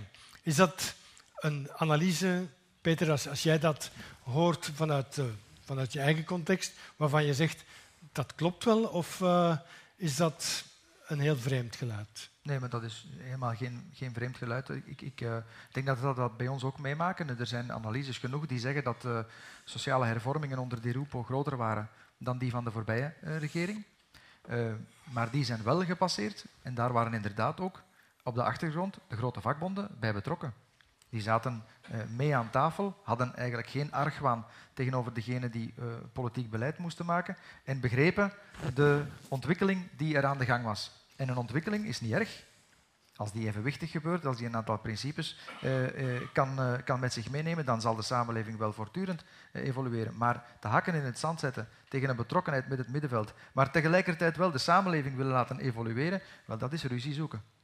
En dan krijg je dus eigenlijk je beslissingen veel moeilijker verkocht. Je vindt geen draagvlak. Je moet voortdurend eigenlijk in ruzie je beslissingen nemen. En daardoor polariseert je bevolking. Dus het omgekeerde is veel eenvoudiger voor gelijk welke partij. Ik begrijp eigenlijk niet zo goed waarom dat men dat emotionele uh, uh, afstand of, of, of, afkeer van middenveldstructuren, dat men die blijft, blijft prediken, terwijl een goede samenwerking zoveel gemakkelijker is om beleid te voeren. Maar je weet natuurlijk wel dat het komt, de N-VA heeft geen achterban in het middenveld. En het middenveld in Vlaanderen, I'm sorry for the word, maar, maar heeft een verzuilde geschiedenis en toch ook nog een praktijk waarbij grote middenveldorganisaties dikwijls een geprivilegeerde band hebben met een bepaalde centrumpartij. Ja. Er zijn middenveldorganisaties die met CD&V, met de SPA of met de Open VLD. Er is nauwelijks een middenveldorganisatie die zich geprivilegeerd verhoudt ten opzichte van de NVA. Dus wat, wat zou die grootste partij op dit moment motiveren om te zeggen we gaan ruimte maken voor groepen die eigenlijk cateren uh, kiezers toeleveren voor onze politieke concurrenten? Ja, om te beginnen allereerst de verkiezingsuitslag. Dat zou hen kunnen motiveren. De, de bestaande meerderheid heeft namelijk 800.000 kiezers zien weggaan van haar beleid. Dat zou wel een goede motivatie kunnen zijn om eens na te denken hoe dat ze zich uh, verhoudt tegenover alle krachten die er in de samenleving actief zijn. Maar ten tweede toch ook Ehm, de ontwikkelingen die een land moet meemaken en de economische kwesties, die zijn toch niet allemaal uh, zuiver ideologisch geladen op de as waar N-VA zich op organiseert. Er zijn toch wel wat mengvormen mogelijk. Je hoeft toch niet voor elk vraagstuk even hard uh, in, de, in de oppositie uh, te kruipen tegenover de bestaande groepen in de samenleving. Ik vind dat een, een onverstandig standpunt. Ik denk dat dat niet nodig is. Um, en ik, ik, zou de kans geven om op de kwesties waar het echt op aankomt een keer goed ruzie te kunnen krijgen met elkaar. Dat is ook misschien niet slecht. Maar dat we over de andere kwesties misschien toch wel wat vooruitgang kunnen boeken. Niemand wil armoede. Ik hoop dat er niemand rondloopt die dat zegt dat hij dat wel wil. Daar moeten we dan toch wel kunnen meer rond doen dan dat we vandaag doen. De voorstellen allerhande en de steun van alle middenveldorganisaties. Die, ik ken ongeveer geen enkele uh, middenveldorganisatie die daar ook niet gevoelig voor is. Dus iedereen gaat zich engageren. Doe dan eens iets goed. Samen met dat middenveld aan, die, aan dat vraagstuk. Dat ligt toch voor de voet. En dan kun je morgen ruzie maken over iets anders. Iets dat misschien uh, niet door iedereen gedeeld wordt. Dus er zijn toch wel wat nuances mogelijk. En in een gepolariseerde omgeving zijn die eigenlijk allemaal moeilijk. Ja. Maar een van de andere stellingen van Lisa uh, in het interview is we moeten eigenlijk als internationale koepel dan, Civicus, veel meer werk maken van het vertegenwoordigen, het stem geven of zorgen dat er stem kan klinken van nieuwe burgerbewegingen. En ze verwijst uh, daarvoor naar de, de, recente opstand in Soudaan, die, uh, die, die niet vanuit een klassieke partij of beweging ontstaan is, maar die gewoon jonge mensen, uh, meestal geschoolde mensen, die samenkomen die zeggen genoeg is genoeg en vanaf nu moet het, moet het veranderen. Als, als wij denken over het middenveld, zeker in, in Vlaanderen, denken we zoals daar straks gezegd, in gevestigde structuren. We denken heel snel in overleg, in doorgeven, in memoranda, in, uh, in wat we kennen. Is er voldoende aandacht en ruimte in onze middenveldpraktijk voor, voor wat we niet kennen, voor wat opkomt en verdwijnt, voor de nieuwe vormen? Ik denk dat daar veel meer aandacht zou kunnen komen. Ik ben zelf als journalist, kom ik heel vaak in Afrika, Azië plekken. En ik, iedere keer kom net terug uit Kenia. Je wordt zo geïnspireerd als je weer initiatieven ziet. Ik heb de afgelopen weken veel ben ik bezig geweest met vrouwelijke sportleiders in Sloppenwijk en verschillende plekken. Als je kijkt hoe die mensen mensen mobiliseren, wat voor goed werk die doen. En dat zijn ook helaas vaak nou net ook de organisaties die niet op, de raad, uh, op, zeg maar op het netvlies staan van de grote westerse NGO's. die kiezen toch vaak veel veiliger, grotere organisaties. Maar er zit nog zoveel onder die radar wat we niet kennen. En jij noemde het voorbeeld van Soudaan. Dat was natuurlijk een prachtig voorbeeld waar één beeld hè, van die vrouw in die mooie kleding op die auto, wat al zoveel veel kan zeggen gewoon. En, uh, maar dat spreekt ons aan. Hoe ja. belangrijk is dat beeld geweest voor de beweging in Soudaan? Stellen we onszelf dan niet iets voor dat er misschien niet is, maar dat wij makkelijk kunnen herkennen. Idem dito ja. voor de, de opstand Tahrir in, uh, in Egypte. We waren vooral enthousiast over het feit dat de mensen die opstonden op ons gingen lijken. Ja, en je ziet als je dan kijkt wat er uiteindelijk van terecht is gekomen, hè, dan valt er toch ook veel, veel tegen. Ik denk, maar ik denk wel dat je er oog voor moet hebben. Want dit zijn wel de, de, de vormen waar, wat mensen inspiratie geeft. En ehm, dat ziet in Soudaan dat het eventjes heel goed ging. En daarna is het weer keihard neergeslagen. Nu is het, geloof ik, gaat het weer beter. Het is altijd een kwestie van lange adem. Maar het is wel belangrijk, denk ik, dat je nieuwe, dat je nieuwe gezichten, dat je nieuwe leiders krijgt in die beweging ook. Dat is denk ik heel essentieel. Els, het zit een beetje tussen twee polen in. Hè. Aan de ene kant ruimte, meer aandacht voor spontane initiatieven, nieuwe dingen. Langs de andere kant, uh, en, en Mark eh, zegt het net ook, komt op en, en het valt weer neer. Uh, als, als je geen gevestigde structuren hebt, krijg je misschien ook nooit duurzame maatschappelijke verandering. Dus hoe, hoe kijken jullie daarnaar vanuit die Noord-Zuid-beweging, die een, lange praktijk heeft van werken met, in zekere zin, lokale, maar vaak ook nationale boerenbewegingen, vakbewegingen, inheemse bewegingen en zo verder? Ik denk, als ik naar de eigen werking van 11 kijk in de ontwikkelingslanden of de partnerschappen die wij zoeken, dat wij toch wel met een aantal atypische partnerorganisaties in zee gaan. Er zijn er een aantal waar we al 30 jaar mee samenwerken, maar elke drie, vier jaar wordt echt wel grondig bekeken wat leeft er nu. En dus het voordeel is om op een langdurige manier in een land aanwezig te zijn, ook met daarin gebed zijn met een kantoor, met lokale mensen ook te werken is dat ook wel constant kijkt van oké, waar zitten op dit moment de meer activistische initiatieven naast de meer gestructureerde koepels. En ik denk dat we zelf, zelf zeker in Centraal-Afrika daar wel in geslaagd zijn om een aantal mensenrechten, activisten, bewegingen die wat meer underground zijn, om die te ondersteunen. Um, en dan kom je met, wat u daar straks in de lezing, wel met de uitdaging van wij willen die ondersteunen, maar we willen ons er niet expliciet aan linken. Dus dat zijn bijvoorbeeld ook samenwerkingen waar dat wij hier in Brussel moeilijk over kunnen communiceren. Um, of standpunten die wij hier zouden willen innemen over de Congolese verkiezingen, dat wij niet doen, omdat we dan die mensen of die organisaties daar um, in gevaar stellen dat klinkt nu zeer mooi. Dat, ik wil er ons wel kwetsbaar in, in, opstellen. Dat blijft een zoektocht, want je blijft natuurlijk altijd wel een verhouding van donor die toch wel met een aantal verwachtingen zit hier en die daar wel heel open op zoek wilt gaan naar wat zijn daar nieuwe dynamieken. Maar die verhouding blijft wel altijd een, een geven relatie. Toch denk ik dat wij daar zelf wel wel proberen stappen en vooruit te zetten. Als ik dan kijk naar Vlaanderen, um, dan zijn we hier een instituut dat al meer dan 50 jaar bestaat. Um, waar we zijn zeer sterk geprofessionaliseerd, wat goed was. Maar de uitdaging voor ons is wel om, zowel met onze vrijwilligers lokaal als met wat het er bij onze lidorganisatie heeft, maar ook vooral waar het engagement rond internationale solidariteit in Vlaanderen zit, wat wij vandaag nog niet zien, om daar voeling bij te krijgen. Bijvoorbeeld, we hebben de vierde pijlerinitiatieven, tien jaar geleden zijn burgerinitiatieven. Bepaald zegt, we gaan die niet binnenhalen, maar we gaan die wel ondersteunen. Ik denk dat dat op zich ook wel een goede zaak was, omdat dat ons wel uitdaagt op ja, waar zit het vuur voor internationale solidariteit. Maar um, er gaat een stukje als middenveldorganisatie hier ook over macht durven afgeven aan nieuwe initiatieven, Youth for Climate, dat niet willen capteren, maar wel stappen achteruit durven zetten en hen naar voren laten komen.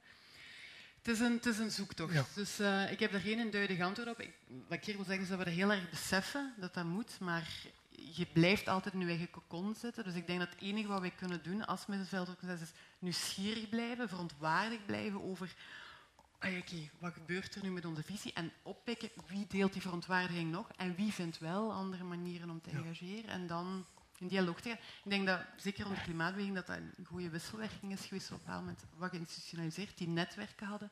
En dan die jongeren die met vuur... Uh, ik wil nog één vraagje stellen en dan gaan we uh, even het woord geven aan het publiek. Maar de, de, de dichotomie, de tegenstelling waar we de hele avond rond werken, is tussen burgers, mm -hmm. overheid en daartussenin middenveld die, die toch eerder tegenover de overheid staat en aan de kant van, van de burger of het belang van, van de burgers. Wat in, in dat verhaal vaak niet benoemd wordt, is de economische macht. En ik, ik zou daar nog even van jullie willen vragen, wat is eigenlijk de rol van een middenveld, niet alleen ten opzichte van de politieke overheid, uh, maar ook ten opzichte van de, misschien zelfs de reële macht in de samenleving, die, de, de economische macht, de financiële macht. Heeft het middenveld, zoals we dat vandaag kennen, een rol? Speelt het een rol of zou het een rol moeten spelen ten opzichte van die reële economische en geïnternationaliseerde macht van de economie van de financiële wereld? Als ik kijk naar een aantal uh, campagnes in Nederland, bijvoorbeeld mijn eigen land, waarvan, ik zeg die zijn echt succesvol geweest, dan is het juist bijvoorbeeld dat, uh, wat wij een paar jaar geleden nog absoluut niet wisten, dat Nederland een belastingparadijs was. Wij dachten altijd dat het hele verre landen waren, de Cayman-eilanden en zo. Dan is dit wel redelijk, redelijk doorgedrongen, omdat er een aantal NGO's zijn geweest, middenveldorganisaties, die consequent aandacht hebben gevraagd voor de thematiek van belastingontduiking. Dat bands als U2, die zich heel erg profileren als voor Afrika, dat die gewoon belasting wegsluizen via Nederland. En ik denk dat in die zin dat dat ook wel een populair thema is. En dat het ook politiek is opgepakt, dat er hoorzittingen over zijn geweest, dat dat ook gevoelig ligt. En dus in die zin uh, vind ik dat dat wel uh, goed gebeurt en nog meer zou er moeten gebeuren. Want als je het echt hebt over oplossing van wereldproblemen, dan ligt daar misschien nog wel meer een sleutel dan politiek. Dus dat kan wat mij betreft niet, uh, niet goed genoeg. Er zijn teksttours door Nederland geweest. Hè, dat je op de fiets kon je een toeristische route door Amsterdam doen. En dan zei, dat is het gebouw van dat bedrijf. Daar sluis die dat weg. En dat zijn ook hele ludieke acties ook. En ik denk dat die wel heel succesvol zijn geweest. Ja. Els, goed idee? ja, omdat dat ook al gebeurt. Dat is zeker iets wat de Vlaamse Noord-Zuidbeweging ook al sinds jaar en dag doet. Dat rond fiscaliteit werken. Um, en ook rond de, het gebrek aan regelgeving voor multinationals, voor ondernemingen, om mensenrechten en milieu um, aspecten te, te, te respecteren. Um, dat moeten we doen. Ik denk dat we dat terug meer moeten doen, omdat dat eigenlijk ook wel het, het systeem in vraag stelt. Ik denk dat we daar wat schrik van hebben gekregen om daar eigenlijk heel harde analyses in te maken. Dus dat moeten we blijven doen. Daarnaast wil ik ook wel zeggen dat als ik daar straks sprak over die arena, dat middenveld, eh, we spreken dan over die driehoek, dat is helemaal niet zo strak afgebakend. Dus er zijn economische actoren die ook die arena aan betreden zijn en ook naar overheden toe. Van, wil zeggen van oké, we staan ook wel achter die sociale rechtvaardigheid en ecologische rechtvaardigheid. En heel open, ik denk dat we daar altijd um, met de nodige kritische blik naar moeten kijken, maar dat we misschien ook wel moeten durven om meer in dialoog te gaan met dergelijke actoren, om te kijken, oké, okay, maar wat is dan een maatschappijvisie en, en, waar zien zij eventueel wel oplossingen? En dus ook wel wat van die stellingen afkomen naar de heel hard zijn waar het duidelijk misgaat, maar dat ons niet laten weerhouden om, om toch ook soms in dialoog te gaan Um, ik heb dat niet over multinationals, ja. maar er zit er ook wel ondernemerschap. En vooral ook omdat we in ontwikkelingslanden zelf ook zien, er wordt heel vaak oplossingen gezocht vanuit lokaal ondernemerschap.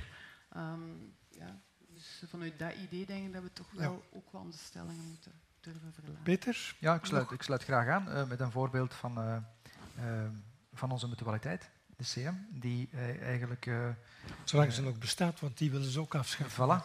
zolang, ze nog, zolang ze nog bestaat, toch in staat is om met metadata, maar ook gewone analyses, aan te tonen dat er fouten zitten in het toelagencircuit, in, het, in het systeem, de vergoeding van dokters, specialisten en andere vrije, vrije beroepen, die daarop tussenkomen, die daar proberen ehm, duidelijkheid rond te verschaffen, inzicht geven in hoe dat het systeem in elkaar zit, voorstellen doen om dat te verbeteren, hospitalisatieverzekeringen, de, de, bloot te leggen dat de verzekeraars van hospitalisatieverzekeringen tegen het failliet staan, maar toch hun systeem proberen te beschermen en ondertussen eigenlijk met nieuwe voorstellen probeert daar ook op het hele economische systeem te wegen.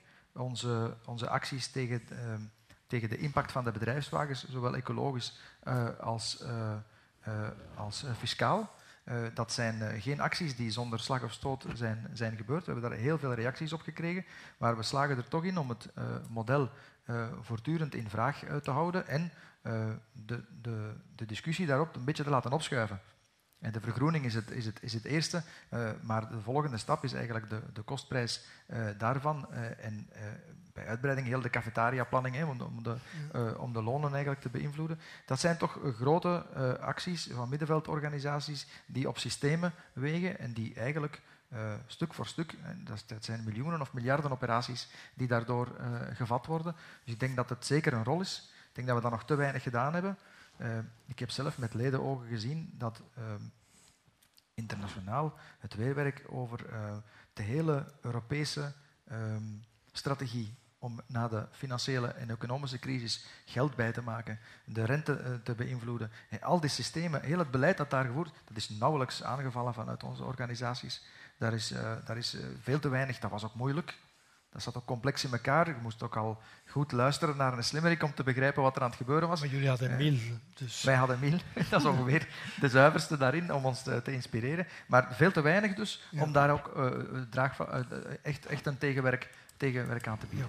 Els, ik heb nog één vraag toch daarbij, want je zegt, en, en ik, allez, persoonlijk volg ik ook van, je, je hoeft niet, uh, je kan een scherpe analyse maken over de tegenstellingen in die economische sfeer. Dat hoeft niet te beletten dat je met sommige spelers ook uh, allianties sluit om uh, aan systeemverandering te werken. Een concrete vraag, een concreet voorbeeld van de voorbije week was de moeilijkheid die Natuurpunt had om een standpunt in te nemen in verband met het rooien van 55 hectare bomen of bos, daar ga ik het niet over hebben, uh, voor, voor hun plasticfabriek, die nog niet goedgekeurd is. En die moeilijkheid zat voor een deel in het feit dat Natuurpunt en Ineos een, een akkoord hadden voor sponsoring.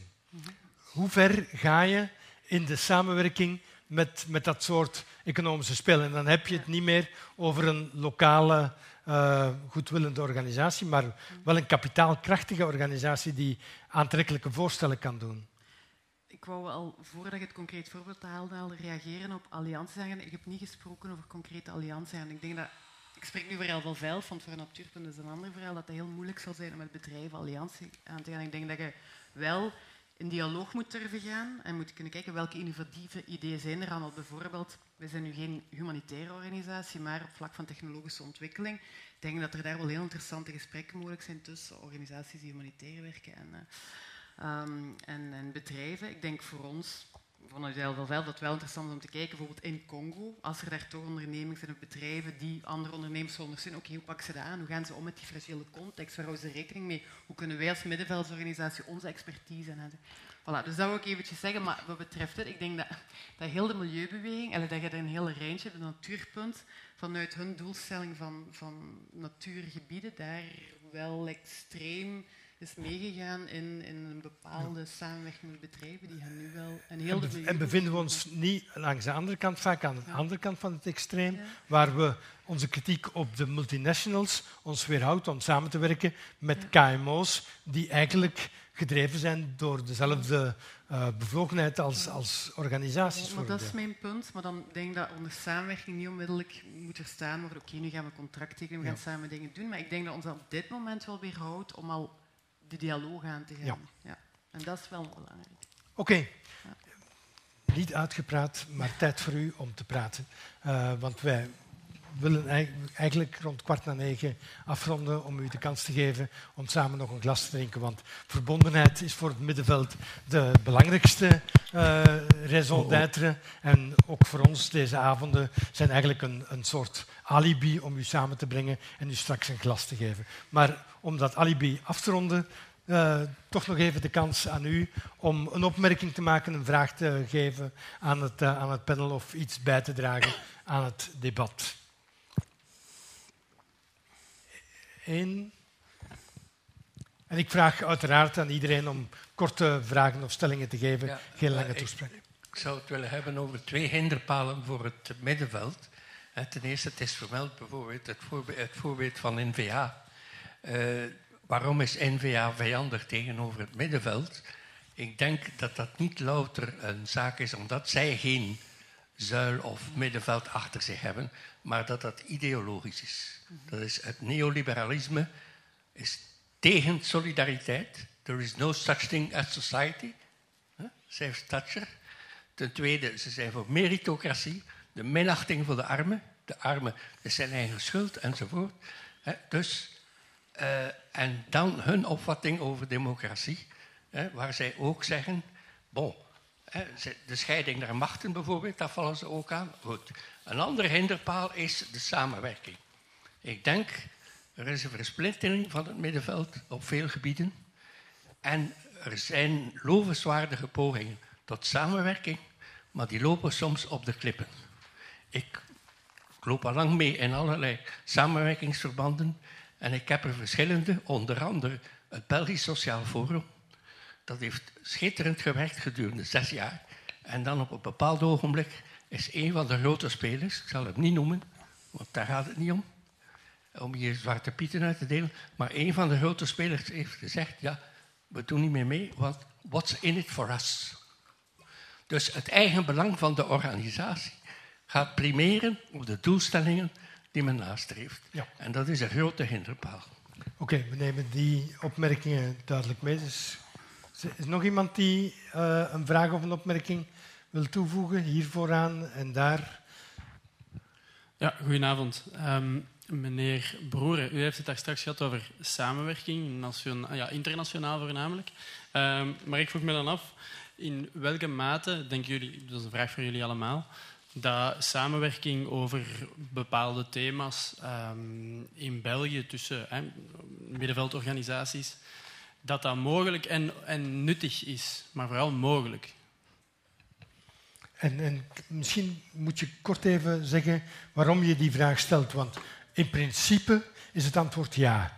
Dus als, als je die vraag stelt, ga je uit van er zijn grote problemen mee. Misschien moet je even zeggen uh, waarom je, van waaruit dat je die vraag stelt. Ja, ik denk dat er door de avond heen een aantal um, beperkingen daarvan zijn aangehaald. Hè. Zoals meneer daar juist ook zegt, van de, er zijn een aantal dingen, een aantal organisaties waar ze meer al gaan afgaan op eigen belang van de organisatie ja. in plaats van het, het officie officiële doel. Ja. Um, of waar dat er, ja, je moet decreten maken, volgen en, en, en, en ja, dossiers schrijven ja. en dergelijke. Um, dus ik vraag me dan in die mate af waar dat dan nog de samenwerking kan zitten. Ja. Goed, nog één uh, opmerking en dan gaan we even laten reageren. Ik vond het bijzonder boeiend om dat allemaal te volgen, maar ik mis één zaak. Ik vind eigenlijk dat er een tegenstelling is fundamenteel tussen enerzijds beweging, dat moet bewegen, en de structuur van een beweging, of de uitbouw van een beweging, nationaal, internationaal, wat weet ik allemaal, dat zal zich altijd wreken en tegengesteld zijn. We kunnen dan alle soorten elementen en frustraties naar voren brengen, zoals de verzuiling. Heeft er niks mee te maken. Het heeft veel meer te maken, naar mijn gevoel, met een soort professionalisering, structurering die de beweging eigenlijk doodnijpt. En er zijn bewegingen hier in deze stad, tientallen, maar ze zijn nog niet gestructureerd, gelukkig. Overigens mag ik uh, van, van, deze gelegenheid, uh, voordat ik jullie het woord geef, gebruik maken om alvast te zeggen, morgen publiceren wij een, uh, een podcast-interview dat ik met Stijn Oosterlink had vorige week over, over stad, diversiteit, middenveld en, en hoe dat, dat allemaal op elkaar inspeelt. En daar gaat het onder andere ook daarover. Goed, we hebben drie verschillende vragen of opmerkingen gekregen rond de redenen waarom dat rechtspopulistisch tegen het middenveld is of, of ageert, ideologisch en, en, vanuit een soort politiek meerderheidsdenken. De vraagstelling is samenwerking duurzaam mogelijk of staat het organisatiebelang of de regelgeving in de weg? En dan het derde uh, sluit daar eigenlijk een beetje bij aan. Maken we niet te weinig het onderscheid tussen beweging van onderuit uh, en organisatie, structuur, uh, die zelfs binnen dezelfde koepel of binnen dezelfde uh, structuur vaak met elkaar in botsing zijn. Ik geloof de eerste vraag aan mij gericht was, hè? van jou over samenwerking. hoe je dat nou concreet kan doen. Laat ik het heel, ik, illustreren met hele concrete voorbeelden. Je ziet op dit moment een trend in de wereld dat er overal grote infrastructurele projecten worden opgezet. Mede met ontwikkelingsgelden. Hè. Bijvoorbeeld dan gaat het om dammen, stuurdammen, gaat het om kanalen graven, dan gaat het de havens uitbaggeren. En dan zie je vaak dat eigenlijk lokale bevolking een deel ook de slachtoffer van wordt. Hè. Die moeten dan van de grond af en zo. Nederland bijvoorbeeld, ik laat het even op Nederland betrekken. De Nederlandse ontwikkelingsbank FMO is vaak bij die projecten betrokken, bijvoorbeeld in Midden-Amerika, in Honduras, in El Salvador. En hoe je dan samen zou kunnen werken, is dat je hebt gewoon lokale activisten die doen daar het werk. En die, uh, die zijn heel erg bezig om daar tegen te strijden. Maar wat je in Nederland kan doen, wat Nederlandse organisaties kunnen doen, is publieke druk uitoefenen op de FMO, op Nederlandse parlementariërs, hè, het hier in de publiciteit brengen. Ik denk heel erg dat je aan dat soort, soort, soort samenwerkingsvormen moet, uh, moet denken. De een heeft de taak hier te spelen, de ander heeft de taak daar te spelen. En wat ik, wat ik net niet in mijn inleiding noemde, wat ik eigenlijk eerst als eerste argument had willen noemen, wat je wel kan doen, vraag aan elkaar wat je van elkaar nodig hebt. als jij als uh, activist in El Salvador en bijvoorbeeld een Both Ends, een organisatie, milieu- en ontwikkelingsorganisatie in Nederland, je gaat op een dossier zitten, ga met elkaar hebben, wat hebben wij van jullie nodig en wat hebben jullie van ons nodig. En dat is denk ik ook wel veel gelijkwaardiger. Want dat wij denken dat we campagne moeten gaan voeren daarvoor in Nederland, voordat het in aandacht komt. Ga eerst gewoon eens met elkaar overleggen. En ik denk dat je allebei je eigen taak te doen hebt. Het probleem zit er denk ik alleen, en daar kom je over belangen uit. Um, ik denk dat er in de toekomst veel minder geld nodig is voor het traditionele werk van NGO's, namelijk het ondersteunen van projecten daar. Dat is steeds minder nodig omdat organisaties dat zelf kunnen. Die hebben niet meer een Oxfam nodig die dat geld eerst van de overheid krijgt en daar gaat wegsluizen. En daar zit het met belang op dit moment. Dat speelt nu heel erg in Nederland, waar onze minister van Ontwikkelingssamenwerking Kaag direct eigenlijk lokale NGO's wil gaan ondersteunen en die dat, dat middenveld eruit wil halen. Dat is een heel, heel debat. En Um, maar er is wel heel veel, ik denk dat de taak van westerse NGO's veel meer in Nederland zou kunnen liggen. om te kijken van wat, wat onze mondiale voetafdruk is en wat ons buitenlandbeleid voor schade aanricht daar. En ik denk dat dat een, een, een gewenningsproces is voor veel westerse NGO's op ontwikkelingslanden gericht. Die toch, het is ook een prachtig leven dat je drie, vier keer per jaar aan het vliegtuig kan stappen en daar als de grote geldschieter uh, met alle uh, lof ontvangen wordt. Maar dat moet, dat, dat is toch een beetje over de houdbaarheidsdatum heen. Dus daar wringt wel degelijk ook het institutionele belang met. Uh, maar die, die, samenwerking waar jij naar verwijst, uh, is, is evengoed kwetsbaar. Uh, want als Bolsonaro zegt, uh, wij hoeven jouw steun niet om, om de branden in de Amazone te bestrijden, gebruik dat geld om ja, maar, Duitsland te maar, dan, maar dan, kun, dan, kunnen, kan er nog steeds, kunnen Nederlandse organisaties, wij hebben een grote handelsrelatie op het gebied van landbouw met Brazilië, ga daar maar eens even politiek over lobbyen. En ga daar maar, maar zeggen van we hoeven die soja niet meer bij wijze van spreken. Dan kun je wel degelijk via dat soort kanalen, denk ik, iemand toch pijn doen. Ja, maar ook wel beschuldigd worden van neocoloniale houding. Ja, uh, in dit geval weet ik ja, dat. Uh, ik denk dat er heel veel mensen in Brazilië het daar eens mee zullen zijn ook. maar goed, maar goed dit, ja, het heeft, alles heeft natuurlijk zijn, uh, zijn, zijn voor- en zijn nadelen en, en twee kanten. Els, ja, pik maar uit uh, ja, ja, gewoon hier even op, op voortgaan. Ik, uh, waar de kwetsbaarheid ook zit, is bijvoorbeeld nu, we zouden kunnen zeggen, hier in België doen wij dan dat beleidswerk en zetten we hier op de agenda. Maar als je op hetzelfde moment merkt dat die middenveldsrol ook zeer moeilijk gemaakt wordt en je ook heel weinig impact hebt, dan, dan zit je daar ook wel met, met een, een mogelijk gat. Dus ik geloof er wel in dat die samenwerking kan, maar dat, het is heel belangrijk wat Mark zei, dat je je dialoog moet aangaan met je partners ter plaatse oké, wat hebben jullie nodig? En dat je niet gewoon moet zeggen, oké, grote projecten, we gaan nu rond gender en we gaan overal dezelfde vrouwenprogramma's daar, daar neerzetten. Dat is, dat is absoluut niet, niet de, de, manier om het aan te pakken. Maar ik denk dat je wel moet proberen om de combinatie te blijven doen van, van hier politiek werk doen, maar toch ook wel te hebben. Maar dat is een, een absolute uitdaging.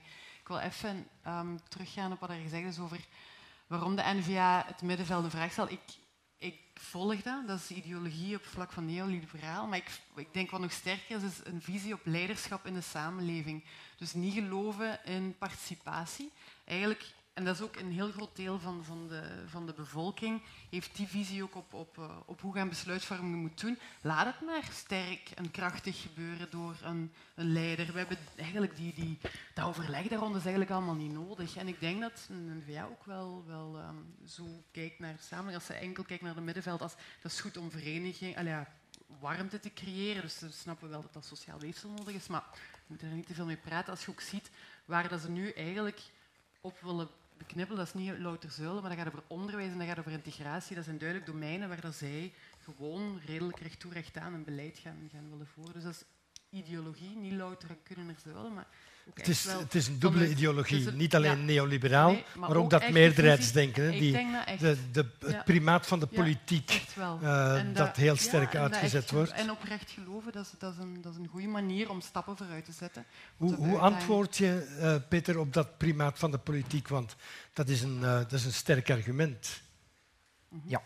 Dat is een sterk argument. Ik, ik, vind ook dat er een primaat is aan, aan de politiek. Alleen uh, is mijn lijn, uh, ligt die ergens anders uh, tot wanneer je eigenlijk inspraak toelaat. Ik vind echt wel dat mensen die in een democratisch model verkozen zijn, hun werk moeten kunnen doen. Het is alleen onverstandig om hen daarna af te knippen van de, de straat en wat er daar gebeurt en welke nieuwe kwesties en oude kwesties dat daar oprakelen en hoe die invloed hebben op uw, op uw beleid. Ik denk dat, die, dat je die invloed moet, moet toelaten, dat dat verstandige inspiratie is om dan daarna in die Kamer uw beleid uh, te, gaan, te gaan vastleggen. Dus ik, ik vind die primaat van die politiek, uh, discussie brengt, wijkt, brengt mij een beetje weg van, van de vraagstukken waar het eigenlijk over gaat. Het is een gemakkelijk antwoord om te zeggen, moeit u niet. Uh, maar die middenveldstructuren zullen zich altijd moeien. En als je die niet georganiseerd laat moeien, dan moeien ze zich ongeorganiseerd. En ik denk dat dat onaangenamer is. Dus ik zou het georganiseerd eh, mooie uh, willen, uh, willen vooruitschuiven, moest ik politieker zijn. Maar goed, dat zal, dat zal zich verder, verder tonen. Hè. Wij zien nu dat in de discussies van de laatste periode de, de, de samenleving verhardt aan de beide kanten. Dit is niet goed, dit leidt tot meer confrontatie, tot minder rustig aan over het beleid te kunnen, te kunnen nadenken. Als we straks, de gele hesjes zijn niet tot bij ons gekomen. Hè. Er zijn een paar dagen geweest in Brussel. Maar als je morgen een vergelijkbare actie krijgt die ongecontroleerd is, die zich niet inbedt in bestaande structuren, uh, maar die wel heel maatschappelijk ontwrichtend is, hoe gaat onze politiek daarop reageren? Repressief. Repressief en dus meer woede oproepen. We hebben in Hongkong gezien hoe lang het geduurd heeft voor leer dat je daar. En dit ging, eh, gaat altijd maar over meer in Hongkong. In het begin ging het alleen inderdaad over die uitleveringswet. Ondertussen is er een heel economisch uh, en politiek vraagstuk bij, bijgekomen. Dus dit leidt alleen tot um, escalatie. Dit is gewoon onverstandig uh, beleid. Is, is, dan het antwoord dat het middenveld moet geven? Ik geef twee sporen. Ja. Ofwel zeggen, wij, wij leggen uit dat het eigenlijk over democratie en participatie gaat. Het falen van het partijsysteem uh, is toch wel zichtbaar vandaag. Dus moeten we meer en betere participatie organiseren.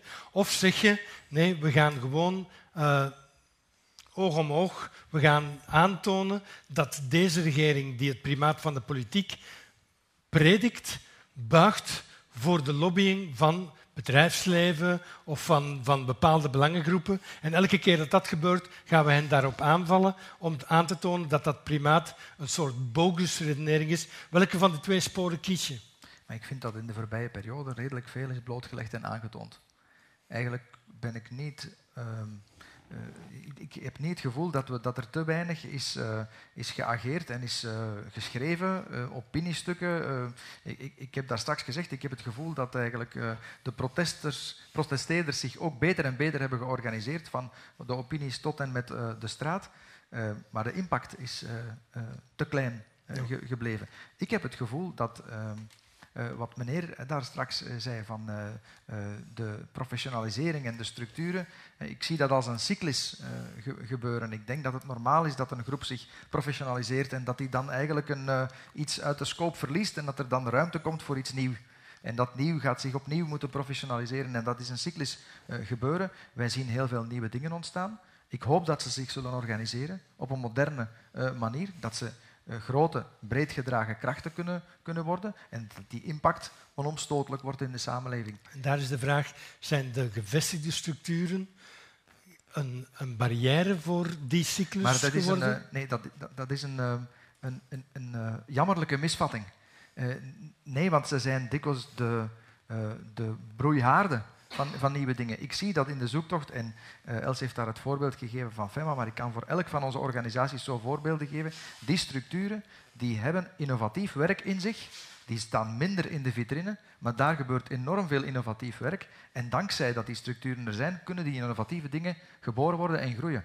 En dat daarnaast heb je inderdaad maatschappelijke opflakkeringen van andere ideeën die daar nog niet in thuis horen en die, eh, die moeten elkaar kunnen versterken. Ja.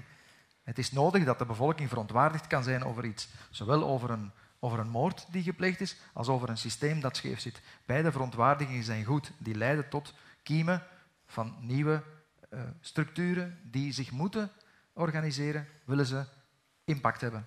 Els, nog één korte ja, reactie denk, daarop. Rond dat stuk um, van professionalisering, ik denk dat het op zich goed geweest is, dat, dus nu spreek ik vooral wel, dat er wat sterk geprofessionaliseerd is. Gewoon omdat je ook moet kunnen verantwoorden waar de middelen naartoe gaan. Geldt uh, mensen binnen met veel capaciteiten die ook wel dat lobbywerk aan kunnen, die ruimte krijgen om dossierkennis op te bouwen. Maar wat ik wel onderschrijf, en dat is waarschijnlijk wat Stijn ook zal zeggen in zijn podcast, is dat um, die professionalisering er wel voor gezorgd heeft dat we wat gedepolitiseerd zijn geraakt. Dus de voeling met de vrijwilligers, met de beweging, met de andere initiatieven die, die, die op zijn, dat samenwerking daarop stuiken ook. Dus uh, dat je op een zegt, oké, maar wat zijn het voor ons? En zeg van, ja, maar hier gaan we niet in mee. Want, dus ik wil dat wel onderschrijven, dat dat een grote uitdaging is voor een geïnstitutionaliseerde organisatie als ja. LVL Het is een beetje genuanceerd, maar ik, en bijvoorbeeld voor LVL wij zijn nu met uh, echt wel onze medewerkers ook een uitdaging om veel meer contact te gaan leggen terug met de vrijwilligers, om veel meer hen ook mee te laten sturen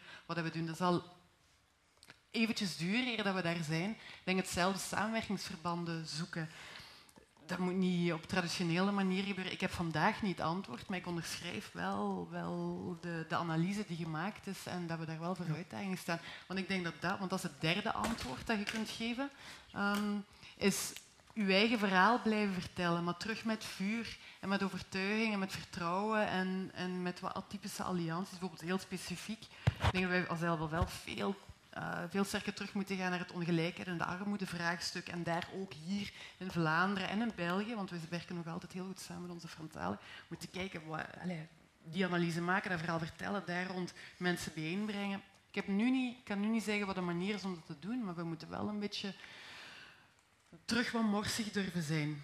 En niet zeer clean en sec en beheersmatig redeneren. Maar ik heb geen antwoord, maar dus ik... Uh... Lijkt mij een, uh, een mooie afsluiting. We gaan afsluiten, want het is twintig na, na negen. Maar afsluiten met de belofte dat we wat meer gaan morsen, ja. lijkt mij een hele mooie uh, toekomstbelofte te zijn. Nee, er is, er is niks zo erg als, als, een, als een organisatie waar alles onder controle is. Uh, of een, een, samenleving waar geen fouten gemaakt worden, of een beweging die, die helemaal gestroomlijnd is. Laat ons daarvan afscheid nemen, een beetje morsen met elkaar uh, en hopen dat het dan goed komt. Lijkt mij een heel mooi plan, Els. Heel erg bedankt.